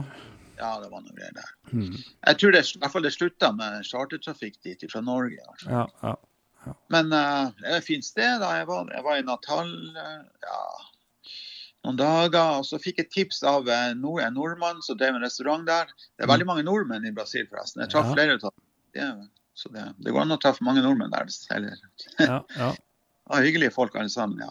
Nei, så fikk jeg tips om en sånn liten, liten, liten uh, strandby akkurat litt lenger nord der. Mm. Jeg tror den heter Sao Miguel de Gostoso. Jeg fant den akkurat på kartet nå. ja. Det var en liten by, by, med noen få hundre innbyggere, kanskje 1000 innbyggere. Men med litt sånn eh, strand, eh, veldig fin strand da, og litt sånn der. Der var jeg og kosa meg noen dager, husker jeg. Og så kjørte jeg videre til Fortaleza. Og det var det lengste nord jeg var, egentlig. For jeg vurderte veldig sterkt å kjøre videre nordover og så kjøre inn i de der tre smålandene der oppe. Ja. Eller tre, det er vel to eller tre. Det er jo fransk Guyana og Suriname og Guyana, da. Det er de tre landene. da. Riktig. Men det, det, var jo, det var jo ikke rette tida av året å gjøre det på. Det, var jo, det er ikke bare å komme seg dit heller. For det, du må kjøre på veldig mye dårlig grusvei. Mm. Så må du, så må du krysse utløpet av Amazonas. Det er sånne ferger som tar flere Eller jeg vet ikke, jeg mener det tok 36 timer. Nei, det kan de ikke gjøre. Jeg skulle i hvert fall, det, det, I hvert fall var det vanskelig å Ja. Det måtte planlegges godt, i hvert fall. Ja, for det er jo Og så var det regntid også, så det var ikke liksom Nei. Det Nei. var eh, For jeg hadde vært eh, Da hadde det vel vært allerede vært to og en halv måned i, i, i Brasil, så det begynte å, å haste med å komme seg ut, i hvert fall. Ja, For du vet, jeg hadde bare 90 dager visum. akkurat. Eh, og sykkelen likedan, ikke sant. Mm. Så jeg, jeg, jeg, klarte vel å finne ut at jeg sjøl kunne ha fått forlenga visumet mitt uh, ganske lett, men, uh, men det var verre med sykkelen. da. Så jeg, jeg var i Fortaleza noen dager og dividerte fram og tilbake hva jeg skulle gjøre, om jeg skulle fortsette nordover mot de der eh, landene, smålandene der lenger opp, eller om jeg skulle eh, komme meg eh, ut et annet sted. Så nei, så jeg valgte å snu nesa sørover igjen. Okay. Og så kjørte jeg eh, sørover eh, og innlandet, da. Siden jeg har stort sett kjørt kysten oppover. da. Ja. Eh, men jeg, jeg hadde jo litt, egentlig litt, litt, litt, litt dårlig tid også, så at eh, det ble egentlig mye kjøring. eh, De første Jeg kjørte fra Fortaleza til Brasilia, den hovedstaden Mm. i Brasil. Mm. Jeg kjørte dit på fire dager. Så Oi. det var sånn ja, det tror er 2400 km, så det var sånn 600 km om dagen på passe dårlige veier. Så Ja, det, det er stykke, ja. Mm. ja, det, det var ganske heftig kjøring da. For det er jo ikke så mye å se på innenlands der. Nei. Det er jo en småby her og der, og så er det veldig Det er mye jordbruk, i hvert fall litt lenger sør er det mye jordbruk, eh, jordbruksområder. Altså. Ellers så er det bare litt sånn udørska marsk på en måte. Så. Mm. Ja, jeg kom til Brasilia, der var jeg noen dager. Så om. Det er jo en veldig spesiell by da, som er bygd Det er på en, på en måte en veldig moderne da. Mm. Eh, arkitektur og, og hvordan den er bygd opp. da. Men OK, jeg hadde ikke så god tid, så jeg var vel der en tre-fire dager. Og så kjørte jeg eh, lenger sør. Jeg kjørte til en by som heter Campo Grande. Mm. Så kjørte jeg til en by som heter Corumba. Da jeg var jeg på grensa til, eh, til eh, Bolivia igjen. Ja, riktig. Så jeg entra altså Bolivia der nede, i, helt i sør... Er Østre Nesten ned mot Paraguay igjen og Ja, Ja. nesten. mm. Så da tok jeg meg liksom en liten sving om i Bolivia igjen. Ja. Um, der er, Bolivia et stort land, altså det er mye å se der. Så det Ja. var stadig steder jeg ikke hadde vært på. Jeg var f.eks. i Santa Cruz. Det er jo egentlig den mest folkerike byen i Santa Cruz de la Sierra. heter den. Det er egentlig den mest folkerike byen i Bolivia. Mm. Der var jeg noen dager, husker jeg. Ja, jeg fikk nye dekk til moppen, husker jeg. Ja. Ja. ja, så skal vi se. Nå må jeg tenke om hva jeg gjorde videre da. Ja, jo da, jo da, jo da. Det var da jeg var litt fanga der. Jeg, kjørte til, jeg, jeg kjørte til Sukkeret igjen. Og så skulle jeg kjøre Jeg, skulle, jeg, skulle, jeg hadde egentlig jeg hadde egentlig, jeg skulle møte en annen nordmann på tur, så vi ble enige om å møtes i, i Nord-Argentina igjen. Okay. Uh, um, sånn etter hvert. Nei, men jeg ble fast i sukkeret, faktisk. Det, det er jo sånn de, Det var noe misnøye blant eh, bebyggerne i, i noen eh, stater eller noen fylker der i Bolivia. Og du vet hva de gjør da? Da sperrer de veien. Det gjorde de. Og de beleira, de beleira rett og slett sukkeret. De slapp meg inn. Jeg skjønte ikke helt hva det var, men uh, de slapp meg inn. Men de slapp meg faen ikke ut igjen. Altså. Da var det helt uh... Nei, så jeg var jo over ei uke i sukkeret, innelåst på en måte. Den byen var helt beleira. Alle veiene var sperra inn. You can check in, but you can never leave. Var det Ja, noen det eh, var- kjente var sånn. eh, folk som sang en gang? Ja. Ja, det var det. kanskje ikke samme Ja, kanskje ikke Nei, samme, ja, det var en eh, Så, eh, så da det, og, det, og det der Ja, nei, jeg tror jeg var, var ei hel uke der i, i sukkeret. Jeg skulle egentlig bare ha en dag eller to der, for jeg har jo vært der før. Ja. Eh, før jeg kom meg ut igjen. Og så endelig kom jeg meg ut, og, men det var fremdeles mye veisperring veisperringer her og der, og jeg ble jo stoppa. Og, og noen uh, vil jo slippe meg gjennom, og noen vil jo ikke slippe meg gjennom. Og sto og trua meg med spiker, med sånne plankestubber fulle av spiker. Altså, Ja, du ble litt sånn der Ja. du ble litt sånn der usikker. Noen sa nei, du kan bare kjøre videre, for du er jo ikke, du er jo ikke på en måte Nei. Har ikke noe med denne streiken og veisperringen her å gjøre. Så var det noen andre som var sinte igjen, da, vet du. Jeg hørte, Nei, men, eh, det- jeg- ja, jeg hørte en sånn historie, en annen som fortalte akkurat samme situasjonen akkurat samme situasjonen som det du forteller om nå. Han hadde liksom klart til slutt, og så, og så fått en eller annen sånn lokal, stor uh, helt uh, på laget, da, en av de største folka, og liksom fått han til å skjønne at eh, han var bare turist. Han var, hadde jo ikke noe med hva som foregikk, og via han, som liksom var sjefen over disse her eh, lokale gemyttene, så hadde han liksom fått eh, pass allikevel da, til å komme seg ut derfra. Så det, Ja, det- det ble- sier det litt om situasjonen i sånne områder, altså.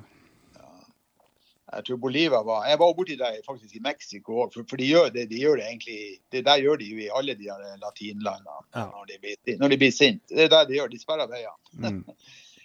Nei, sant. De, de, de, de folkene som skjønner litt, de skjønner jo at du er ikke Ja. du er utlending på utenlandsk motorsykel, du har ikke noe med det her å gjøre, så de vil jo slippe deg gjennom. Men så er det kanskje noen, noen skikkelig argsinte lokale, de, de er bare sinte. De er Mm. sinte på alt og alle, vet du. Mm.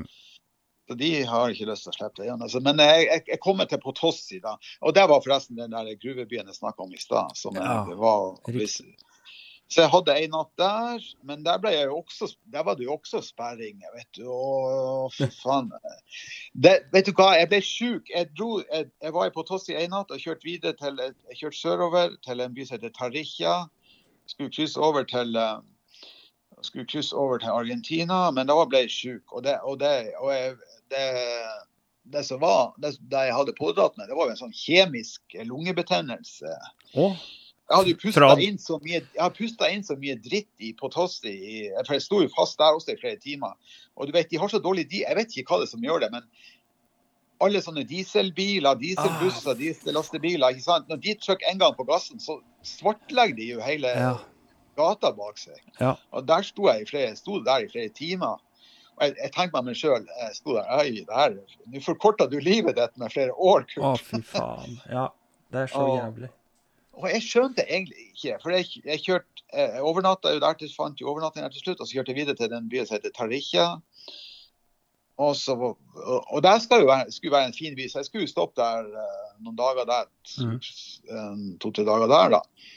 Og når jeg hadde vært der en dag eller to, så merka jeg jeg begynte å bli dårlig. Jeg begynte å bli skikkelig sjuk. Jeg var bare så tett i brystet og, og vanskelig på å puste og hoste. og Mm. og Nesen rant, øynene rant. Jeg var bare skikkelig dårlig og slapp. Og jeg, var, jeg husker jeg, jeg dro på et apotek og bare Jeg dro ikke til noen lege, men apotek, alle apotek selger jo alt mulig slags medisiner. Som I Norge må du ha resept på alt mulig, men der selger de jo hva som helst. Ja, ja. Så jeg bare gikk og sa nei, ja, ja. Lungebetennelse, hosting og feber og alt mulig. Ja, ja. Jeg fikk, jeg fikk to typer antibiotika, ja, og, og jeg tok de her jeg vet, du, i hele vekka, men ble ikke bedre. Nei. Jeg ble faen ikke bedre, men til slutt så tenkte jeg jeg kan ikke være her lenger. Så jeg, jeg kjørte, kryssa over i, tilbake eh, ned til Argentina igjen, til Salta. Og, og, bra, og da hadde vi vært på veien i to dager igjen, og jeg, da, da var jeg skikkelig sjuk. Altså. Jeg var dødsjuk. Hm. Jeg tok inn på et hostell der, husker jeg, og uh, gikk rundt og hosta og var i elendig form og klarte ikke annet enn å ligge nesten. Yes. uh, og han der uh, hostelleieren vet du, Nei, jeg, vet du, jeg er jo som de fleste andre. Jeg tenker nei, det her går nok over, du blir nok bedre. Uh, bare hvil deg litt. Mm. Men hos, han der hostelleieren, han, eh, han tilkalte jo legevakt og Eller sånn ja, Mm. Ambulanse. huslege, eller hva Ja, det var. ja, ja. Ja, nei, sa han. Du må, du må, du må prøve å komme deg på et sykehus og sånn og sånn. Ja, så jeg dro på sykehus dagen etterpå fikk tatt noen røntgenbilder og blodprøver og alt mulig. Ja, nei, du har ja, en kjemisk lungebetennelse og bronkitt. For du har innånda så mye diesel og sånn svineri. Å, fy faen. Ja, så ble, det ble satt på en kur med enda mer antibiotika, men også noe som er generelt betennelsesdempende ja. prednisonpreparater. Ja. Så jeg, jeg kom med, det tok en uke til, så kom jeg meg igjen da. Så, ja, sånn var det. Det, er alltid noe. Det er ikke noe spøk, ass, det greiene der. Nei, uh, men man blir Det var faktisk det sjukeste jeg var på den turen, faktisk. Nei, Det sier litt om eh, hva slags forhold de folka lever i oppe i Potsi der. Altså, de har både det, den, eh, det utslippene, og så har de den gruvegreiene i, det, i tillegg. altså. Mange av disse her, de har jo en gjennomsnittlig levealder på 35-40 år, ikke sant? Ja, på, jeg var litt over 40 år på de der gruvearbeiderne. De ja. lever igjen etter de litt over 40. Så, ja. så er du ferdig. Ja, Nei så da Hvor var da? Salta, ja, i nord, nord, nord Argentina. Ja, så kjørte jeg jo det litt da når jeg endelig da begynte å komme, så kjørte jeg jo eh, litt sør sørover igjen på den der uh, ruta 40. Det er jo den der uh, legendariske uh, veien som går langs hele Argentinas lengde. Den er jo 5000 km lang. Mm. Den går jo fra helt i grensa i nord helt ned til Patagonia i sør. Jeg mm. hadde jo kjørt litt på den i sør, da, så nå tenkte jeg skulle kjøre litt på den i nord.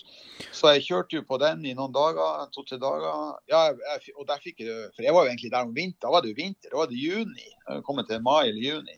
Ja. Så da var det jo vinter der. Så når jeg kom litt, litt lenger sør der, så var det, var det plutselig vinter. Den går, litt, eh, går, den litt opp mot fjellkjeden ja, ja, ja. mot uh, Chile der, den? Gjør ikke det? Litt på ja, da, den går vest, vestsida? Og, mm. og litt opp i en sånn uh, sekundær fjellkjede som går også langs der. Så det var jo ganske langt opp i fjellene der også. Mm. Så jeg husker, jeg ble, Det var jo helt vinter et sted jeg kom til, og der måtte jeg bare stoppe noen dager, for det var jo snø. Ja. Snø på veien, og det var jo iskaldt. Ja. ja da. Nei da, men så, la, så la, kom jeg så langt sør så til La Rioja. Ja. Eh, og der møtte jo han en annen nordmann. En som heter ja, Hva heter nå han igjen? Står det jo, jo, jo. Det er mye folk. Ja, um, ja, det er en hyggelig kar fra Smøla. Okay. Ja. Uh, så vi kamperte nå der i lag noen dager. Og så, jeg, så, var jo min tanke å få med meg eh, Jeg hadde jo vært i mye, mye av sørlige delen av Chile, men jeg har ikke vært i nordlige delen av Chile. Så det var det jeg skulle ha med meg For jeg mm. liksom kjørte eh, videre nordover. Så jeg dro kryssa Andesfjellene der, på en sånn fantastisk grenseovergang der. Mm. Um, se om jeg finner på kartet, da. Det var virkelig en, en fin grenseovergang. Ja, Rute 150, kanskje?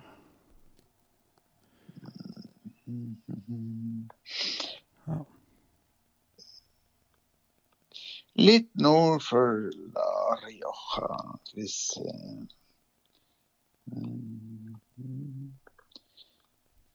Må vi se litt her igjen. Ja Nei, het den ikke Paso de Paso di San Francisco heter den, tror jeg. Okay. Ja, Paso di San Francisco heter den. 4730-40 meter var det der. Mm. og husk på, jeg var der på vinteren. ah, uh, nei, den, det, den, det, det passet der, det er egentlig ikke trafikkert. Det går egentlig ikke noe rutetrafikk over der, så det er veldig lite trafikkert. Mm. Så uh, men, men, det var ikke så aller verst. Det var jævlig sterk vind på toppen. det var det. Men ellers så var det ganske bra. Eh, det, var, det, var, tøft. Det var tøft. Det var grusvei på toppen, selvfølgelig. Og grusvei ned på på, på Chile-sida. Hvor du kommer ut en, uh, i Chile omtrent da? Sånn uh, nærmeste uh, type storby? Jeg kom, jeg, Den første overnattinga jeg hadde i Chile, var en sånn liten by, en liten gruvby som heter Diego di Almagro. Ok.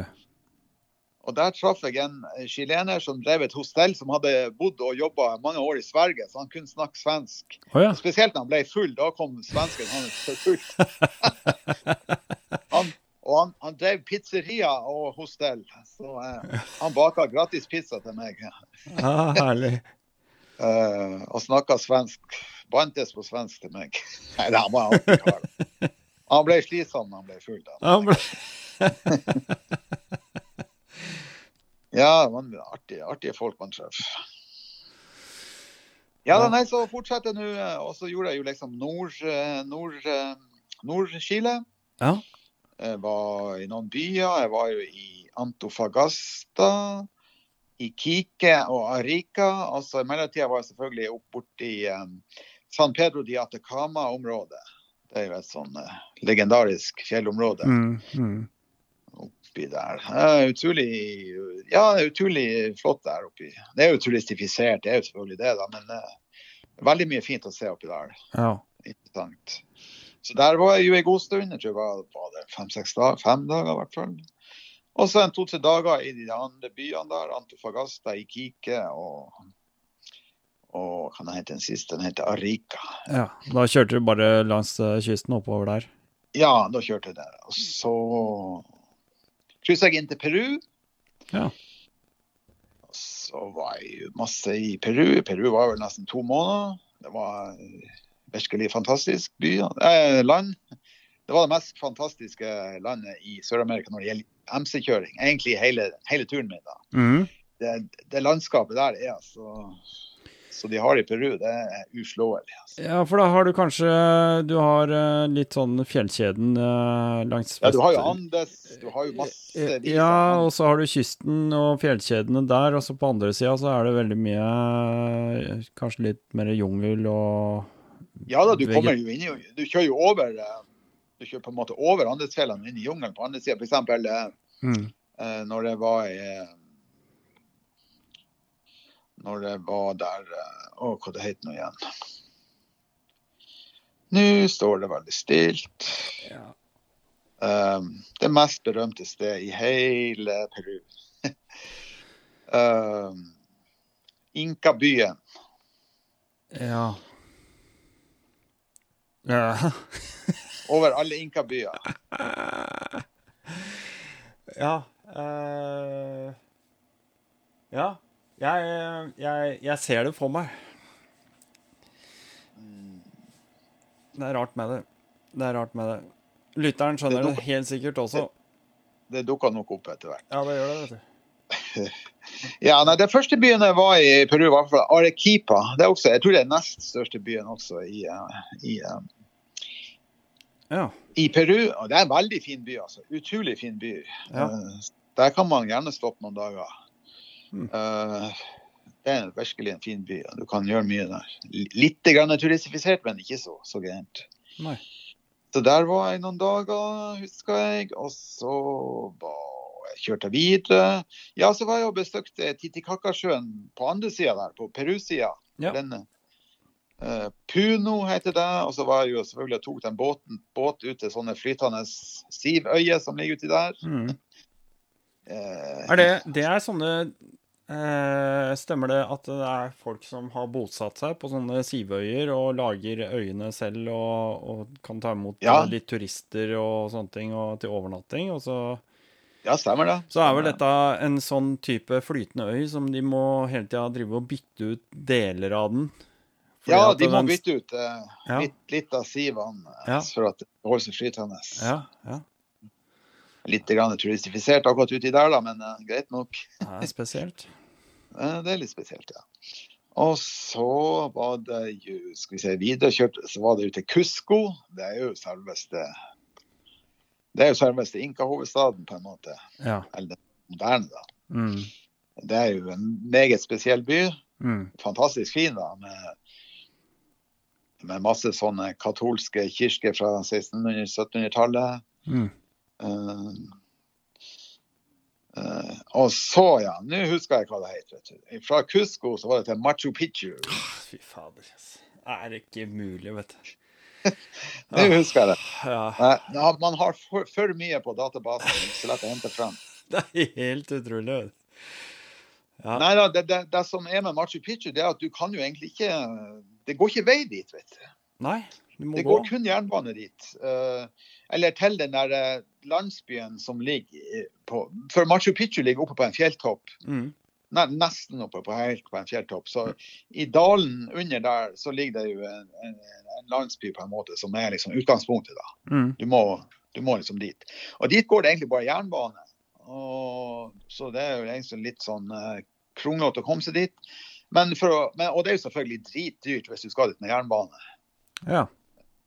Da må du på en sånn pakketur med hotell og alt det der. Og det, det er dyrt. ja. Nei, altså Folk som er på, på budsjettur, de må gjøre sånn som meg. Nei, da, jeg kjørte Du kan kjøre ca. 10-12 km fra den landsbyen. Mm. Så kan du parkere der, og så kan du bare gå i togsporene videre innover. Og bare passe på når toget kommer, at du hopper ut av det. Ah.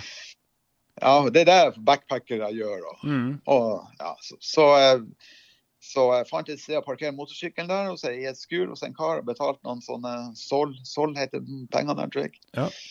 Uh, og så bare pakka jeg det viktigste jeg har i en sekk, en sånn litt stor dagstursekk, og så gikk jeg langs togsporet sammen med flere hundre andre inn til den landsbyen. Og så bodde der, og neste dag var jeg oppe og kikka på Machu Picchu og gikk rundt om der. Og så gikk jeg ned på kvelden, og så bodde jeg der en natt til. Og så neste morgen gikk jeg ut og plukka opp sykkelen igjen og kjørte videre. Det er vel også et sånt eh, sted nå hvor de har begynt å begrense litt eh, besøk, er det ikke det? Jo da, de har vel det. De Ja. har det. Ja. Eh, eh, og, det, og det hadde de jo allerede når jeg var der. For de, solgte, de, de selger billetter til De selger bare et visst antall billetter. Jeg tror det var 2000 eller 2500 billetter per dag. Mm, mm, Så, eh, så ja, sånn var det. ja. Det hadde de. Og jeg måtte stå, stå egentlig ganske lenge i kø. For jeg fikk ikke kjøpt det. Jeg sto i kø på kvelden når jeg kom dit, eh, men da fikk jeg ikke kjøpt det. Jeg måtte stå opp drittidlig neste morgen og Mm, stille meg i kø for å kjøpe billett. ja. Og da fikk jeg en av de få billettene som var igjen, på en måte, Mm, den dagen der. Men så måtte jeg sikkert ha venta en dag til der. ja. Ja da, men det er jo en opplevelse å, å gå der. Og så egentlig hele den dalen innover, og det er en slags det kalles for The Sacred Valley innover der. Før du fer, egentlig fer over et sånt fjellpass og, inn, og videre innover der, der er det også veldig Jeg skulle egentlig ha brukt mer tid der. Der er det Mm. også verdt å bruke. Det er flere sånne småbyer der. Det er verdt å bruke tid. Men jeg, jeg gjorde egentlig ikke det, for jeg tenkte jeg måtte bare komme videre. da. Men Mm. eh, hvis folk er nå i området der, så er det verdt å bruke litt tid på. I Sacred Valley, ja. som er i nærheten der. Ja. Og så var det på tide, etter å ha vært i Machu Picchu, så skal vi se hva jeg gjorde da. Da la jeg eh, vel egentlig kursen ned mot kysten. Ja. Og brukte vel en par-tre dager på å komme nedover til kysten. Og kjørte over Andesfjellene igjen. Ja, stoppa gjorde vel et par plasser også. Så på noen forskjellige sånne utgravningssteder der. Eh, og så stoppa jeg i Naska, og så ble jeg Naska-linjen. Ikke har hørt om de? Det er sånne formasjoner som du egentlig må langt opp i luften for å se. Okay. Men eh, Egentlig så ser du de best fra fly, da, men uh, det koster jo litt penger. da. Så, men de har bygd sånn ganske høyt uh, tårn, så du kan se noe. Nei, men det, de, de har laga figurer av De er masse hundre år gamle. Ok. Eh, figurer av forskjellige av mennesker og av dyr. og Lama, hund og katt. og bla, bla, Ja, som du kan se ovenfra, ja. Ja, så du kan se Ja. ovenifra. Jeg lurer på Det det ble, Ja, for det blei vel lagd fordi at eh, Ja, dette har vel noe med sånn budskap til uh, guder og sånt nå? Ja, det er vel det. Det er vel det, noe i, i den retninga der. Ja.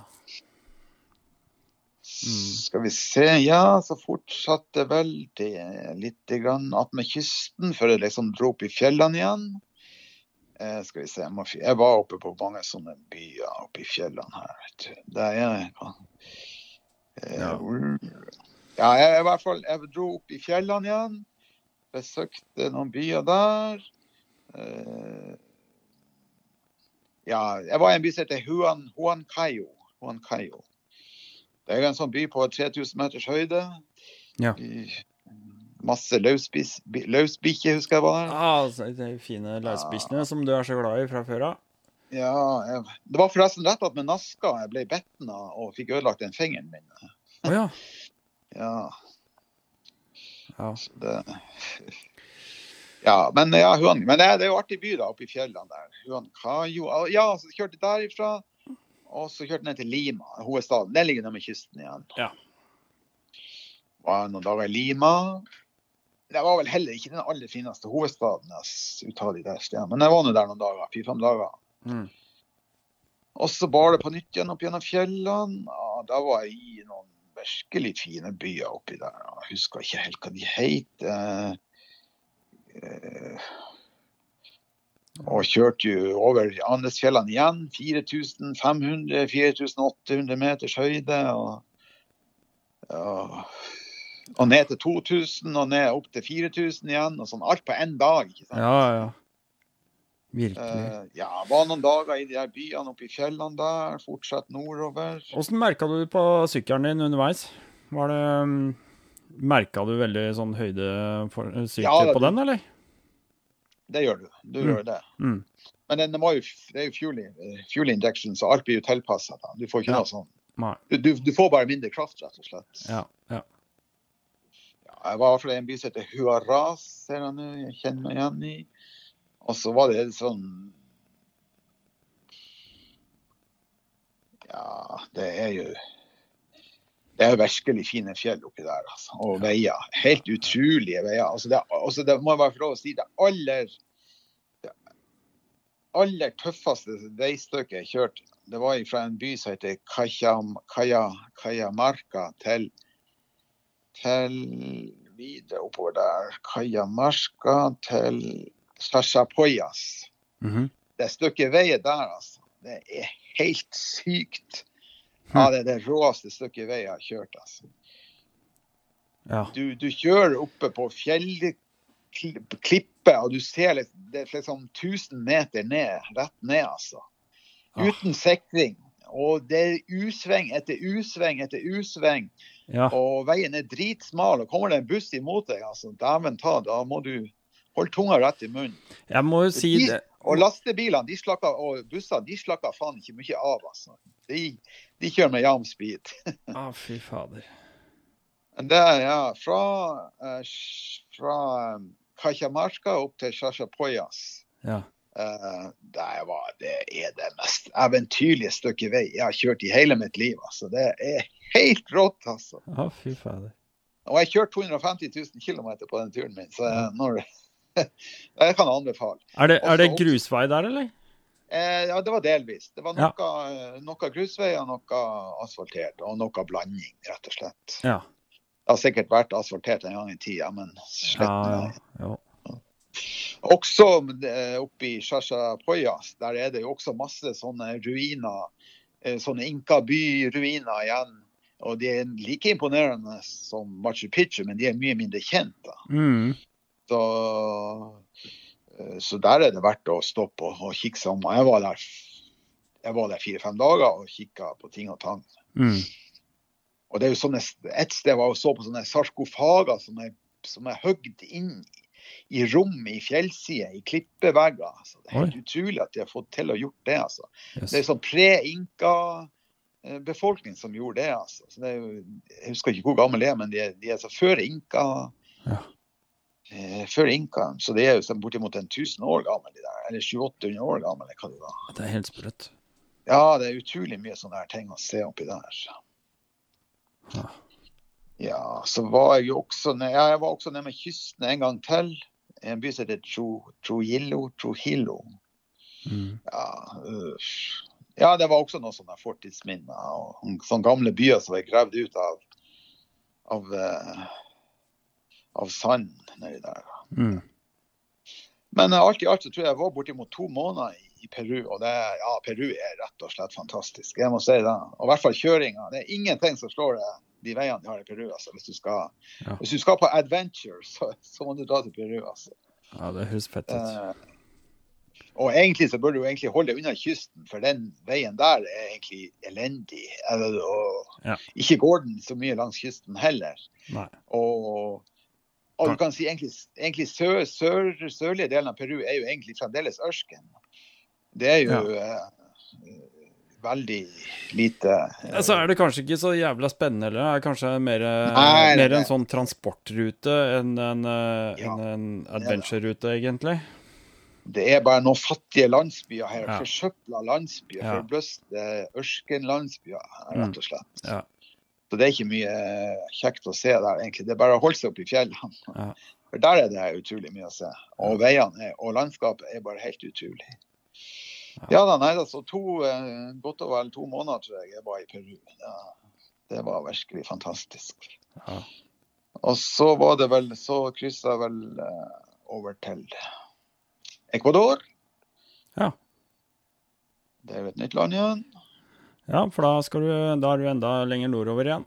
Ja, da har vi kommet til et lenger, litt lenger nord. Eh, veldig flott land også, det. Jeg syns Peru var egentlig Peru er egentlig litt mer utvikla enn eh, både Nei, Ecuador er egentlig litt mer utvikla enn Peru i sør og Colombia i nord. Mm. Så, så det er liksom på en måte litt mer sivilisert, hvis jeg kan bruke det uttrykket. Mm. Mm. På, godt, på godt og vondt, for Mm. å si det sånn. Så eh, ja. Um, Men disse landene som ligger der, de er jo det er, De er spansktalende, er det ikke det? Alle disse Ja da, landene. alle de landene. alle de. Det er vel egentlig bare Brasil som eh, Som eh, har portugisisk, eller åssen Ja. stort sett? Ja, stemmer det. stemmer det. Ja. Eh, eh, Pluss at eh, de har innfødte språk som er, Ja, selvfølgelig. som er også veldig utbredt. F.eks. I, eh, i Paraguay, der er jo eh, Nå husker jeg ikke hva det heter, men, men det er det, det Innfødtspråket der er nå likestilt med spansk i skolen, og de lærer det også i skolen. Ah, okay. Mm. Uh, og så er det jo, jeg husker ikke det, um, det språket de snakker i, men i, også i Bolivia selvfølgelig, og i Peru er det jo innfødtspråket, så de bruker mye. Ja. Men, men det er klart, de kan jo spansk. Ja. Alle som går på skole kan spansk. Så, Ja. Så Mm. kan du spansk, så kommer du deg ganske langt. Mm. Ja, ja og alle de landene der, de tre nordligste der, Peru, Ecuador og Colombia, de har jo både kyst, eh, de har Andesfjell, og så har de Amazonasjungel på, på, på, på øst, østsida. Så du, alle, alle de tre landene kan du oppleve alle de tre tingene. Du kan oppleve kyst, og du kan oppleve Andesfjell, og du kan oppleve Amazonasjungel. Så Mm. Det er verdt å få med seg. Ja. Ja, nei, jeg skal vi se. Jeg ble jo litt lenge i en by i, i den tredje største byen i, eh, Ecuador. i Ecuador. Den heter Cuenca. Den ligger også langt oppe i fjellene, på 2500 meter over havet. Nei, for da hadde, da hadde vannpumpa til, til den streika. OK. Så da måtte vi få tak i deler til den. Ja, det tror jeg en Jeg tror jeg var der ti dager før vi fikk tak i deler og fiksa det der. Mm. Det ble eh, litt eh, Det er en fin by, altså. Jeg er verdt å bruke noen dager der, da. Men jeg var ikke tenkt å være der mer enn tre-fire dager. Men så det ble ei uke ekstra å vente på deler. Mm. Eh, så kjørte jeg ned, kjørte jeg vel ned til kysten, til Guayaquil. Guayaquil det er vel den mest folkerike byen i Ecuador. En kystby, da. Ja. Eh, veldig fin. Er mer sånn havneby eh, Ja, havneby. havneby ja. Så fin by da også. Men altså, han, den, har noen fattige strøk du skal holde deg litt unna. Altså. Ja. Du lærer vel det litt underveis, eh, hvordan du skal holdt på å si, eh, være hunden på hårene, eh, nærmest? Ja da, du må, du må prøve å gjøre litt research. Og så, som sagt, jeg vet ikke om jeg sa det før, men jeg har brukt veldig mye Airbnb i Ja. Sør, Ja. Sør- og Mellom-Amerika, og det fungerte gull. Ja. Det, å få billig innpartering hos lokale som kunne fortelle deg hvor, hvor skal du gå hen, og hvor skal du ikke gå hen, og hvor skal du spise billig. ikke sant? Mm, mm. Spise billig skal du gjøre på gata bak marked. ja, ja, ja. Klart. Ikke sant? Ikke gå på turistgata og, og spise mat. Gå på den gata som ligger bak eh, marked XY, der er det god og billig mat. Så Ja. det gjorde jeg, vet du. ja. Uh, ja, skal vi se. Jeg mener var nede med kysten litt lenger nord der og campa noen dager på et sted. Jeg husker ikke. Ja, Kanoa heter det. Litt lenger nord. Kanoa. Det var en sånn liten kystby jeg campa noen dager på ei strand. Det var veldig fint. Ja. Og så var jeg oppe i, selvfølgelig oppe i hovedstaden, Quito. Quito. Ja, var der noen dager. Der ligger jo, Ekvator ligger jo rett attmed der, så det er jo laga okay. en sånn liten, en liten sånn eh, besøkssenter for å besøke ekvator. Aha. Ja, måtte, jeg måtte jo dit, selvfølgelig. Ja, ja, ja. Uh, og så etter der, ja, da kjørte jeg jo inn i, faktisk inn i Amazonas-delen av Ecuador. Så jeg kjørte jo inn i jungelen på en måte der. Ja. Og jeg var noen dager på noen steder der før jeg kryssa over til Colombia. Uh, Mm. uh, Colombia, ja. Der, nei, egentlig så likte jeg meg veldig fint i, i Ecuador. Så det var veldig Men altså, alle de landene er fine der. Altså, Peru er jo fantastisk. Og Bolivia er jo også fantastisk. Mm. Selv om det er litt røft.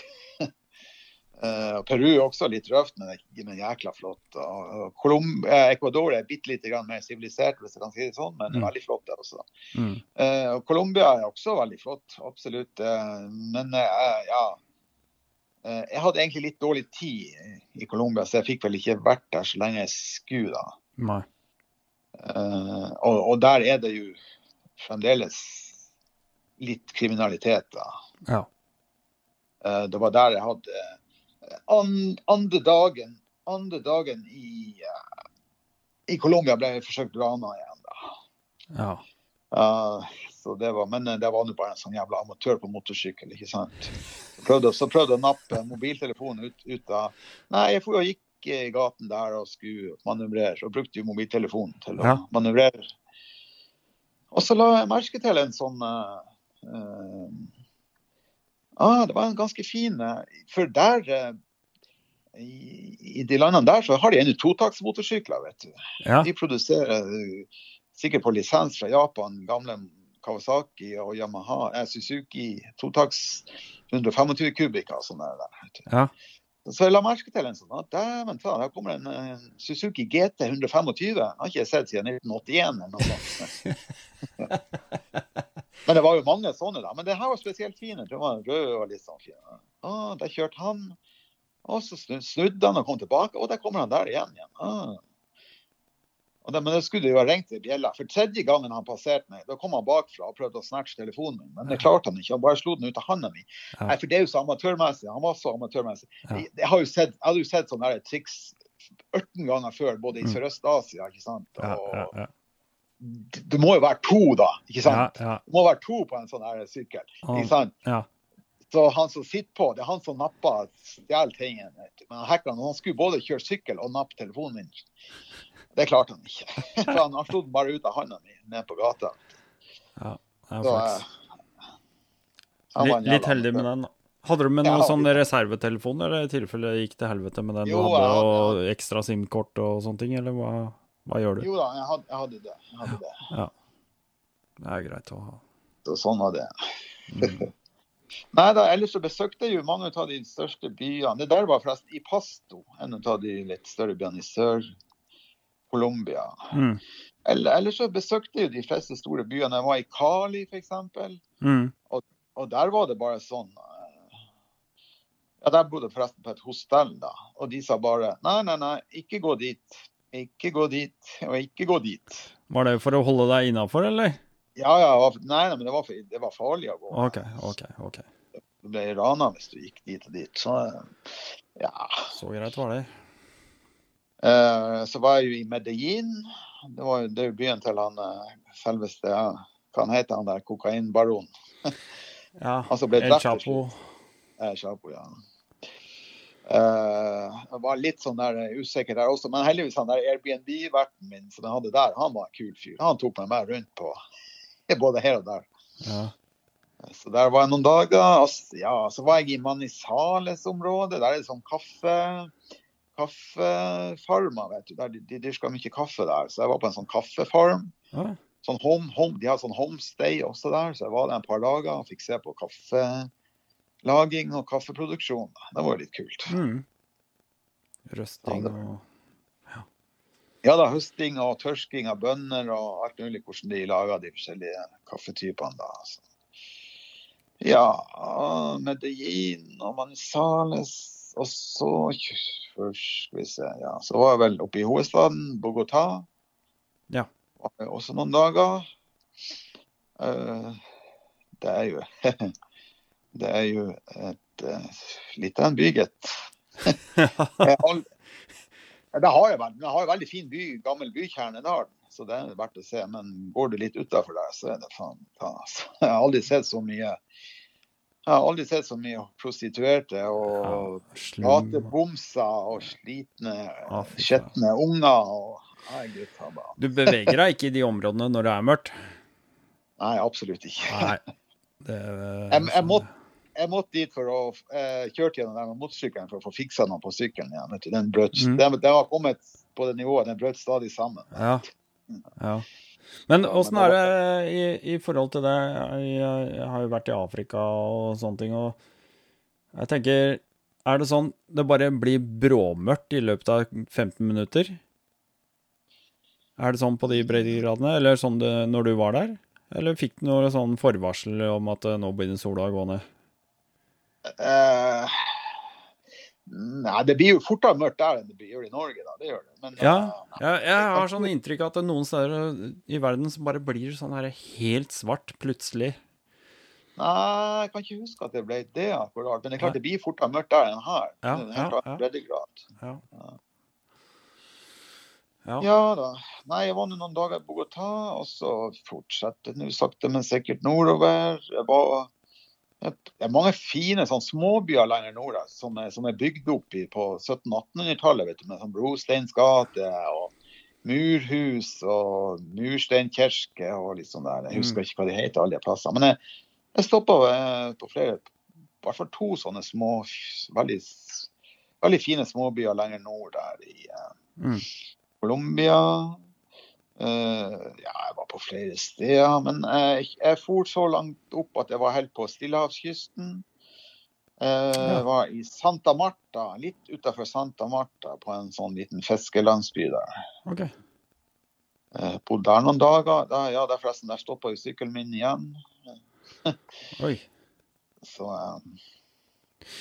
Men Og så var det tilbake Ja, så var det til um, Da var vi nesten i Cartagena da, for å skippe sykkelen. Jeg tar den på den uh, seilbåten. Til. Ja. Riktig. For da Du kjørte ikke videre over til Venezuela, Guyana, Nei. Surinam og Fransk-Guyana der? Nei, Venezuela var allerede stengt da. Det var så ah. mye det hadde vært så mye opptøyer. Så mye. Vi møtte, det var jo mye folk som flykta fra Venezuela. da. De Akkurat. var jo overalt. Akkurat. Vi så det. Hvis enda et med vilje så tok jeg veldig små grenseoverganger. Både mellom, eh, både mellom, Peru og Ecuador og mellom Ecuador og Colombia tok jeg veldig små grenseoverganger. Ja. Tok ikke de der hovedgrenseovergangene. Nei. Men uh, selv, selv, på de små grenseovergangene så, så du masse flyktninger fra Venezuela. Så. Ja. Nei, så, og Venezuela var stengt allerede, for, for, så det var ikke snakk om å komme inn der. Ja. Jeg vurderte ikke det engang. Det var rett og slett stengt. Men den, eh, den eh, båten da, den gikk fra Cartagena, Cartagena uh, til uh, Den gikk altså til uh, bare Går den til landings... Er det til gikk... Panama by, eller? Nei, den gikk ikke til Panama by. Den, du, den her gikk bare til et landingssted. Jeg vet ikke om den har noe navn engang. vet du. I... Jeg husker rett og slett ikke. Men det, den går til Panama? Den går til Panama, ja. ja, ja. Men den, den landa bare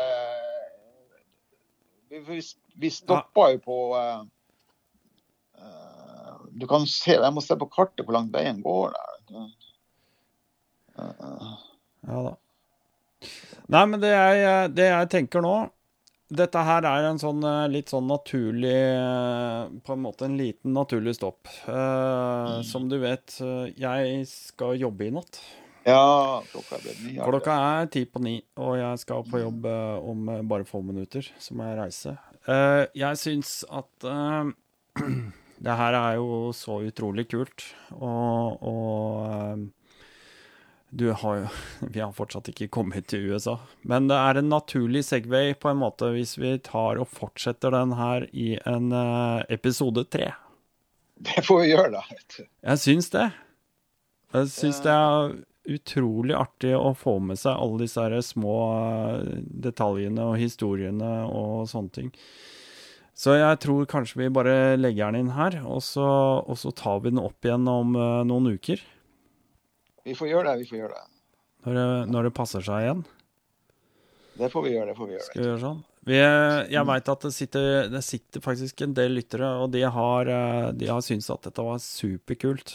Så, og syns det er kjempegøy med lange podkaster og, og, sånne ting. Så, så det, det, har vi absolutt tid til å gjøre. Men da mm. syns jeg også det er fint å avslutte her sånn, fra Cartagena. Og så tar vi den eh, derfra, og så videre over til Panama neste gang. Så, ja, det kan vi gjøre. Så, så, fortsetter vi turen. Mm, det kan vi godt. Så det. Åssen eh, Ja, er det noen planer? Har du noen ting du skal gjøre, eller er det kun jobb nå framover? Uh, jeg har kjøpt meg nytt campingutstyr, så jeg håper jeg får ta noen sånne småturer på, på ja. den, uh, moped, mopeden min. Uh, ja. Kanskje bort på Vestlandet en tur. Og, ja, jeg, jeg, har ikke vært, jeg har ikke vært på så mange av de der norske stedene, vet du. Trolltunga og Preikestolen og de der tingene der. vet du. Ja, det er masse, masse kult å oppleve her òg. Tenkte jeg skulle ta de en gang, før jeg ble for gammel. før, det er for seint? Før du har tatt hele, hele resten av verden? Ja. Ja, nei, jeg, får, jeg, håper å gjøre en par, par til småturer på mopeden i sommer. Jeg har ikke så mye ferie til gode. Jeg, jeg jobber jo bare halve fjoråret, vet du. Ja, ja. Mm. Jeg sparer ferien egentlig til, til vinteren, til senhøsten eller vinteren. Da drar jeg til Thailand og tar meg litt, litt lengre fri. Ja. Det er for tanken. Det, vi vet jo aldri om verden åpner opp igjen til da, men vi får jo håpe det. Nei, men da er vi forhåpentligvis godt vaksinert, uh, vi som eh, bor her på berget, i hvert fall. Mm, ja, forhåpentligvis. Forhåpentligvis. Så sånn er det bare. Du, i mellomtida så får du bare ha det så bra. Jo, takk i like måte, du. Og så får jeg takke nok en gang for at du gidder å være med på Rally Nord podkast. Jo, bare hyggelig det, du. Ja, det er kjempehyggelig å ha deg her, så ikke tenk på det. Um, da tror jeg egentlig vi bare sier uh, som vi pleier å gjøre. Shalabais. OK, du. Shalabais. Så snakkes vi. Hei igjen. Hei ha. Ja. Det var nok en gang, det. Kurt Gjøran Andersen. Fantastisk fantastisk figur, altså. Fy søren. Uh, alle de morsomme opplevelsene han må ha vært gjennom. Og det er jo fryktelig vanskelig å,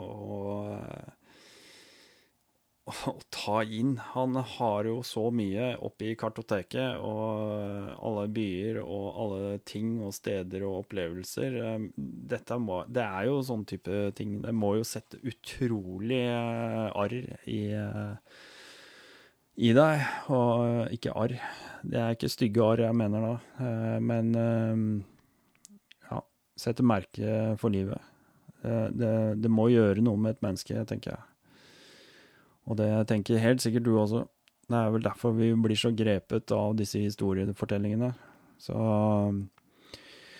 Inntil videre. Vi tar den opp igjen, vi. Vi må lage en del tre. Det er jo ikke noe å lure på. Jeg syns det var helt naturlig å avslutte her nå. Ikke bare fordi at jeg skal på jobb, det er jo bare sånn det er, men uh, det er uh, bare fordi at vi skal ha god tid. Vi, vi, kan ikke stresse den turen her. Det går ikke. Vi tar den fra Cartagena igjen neste gang.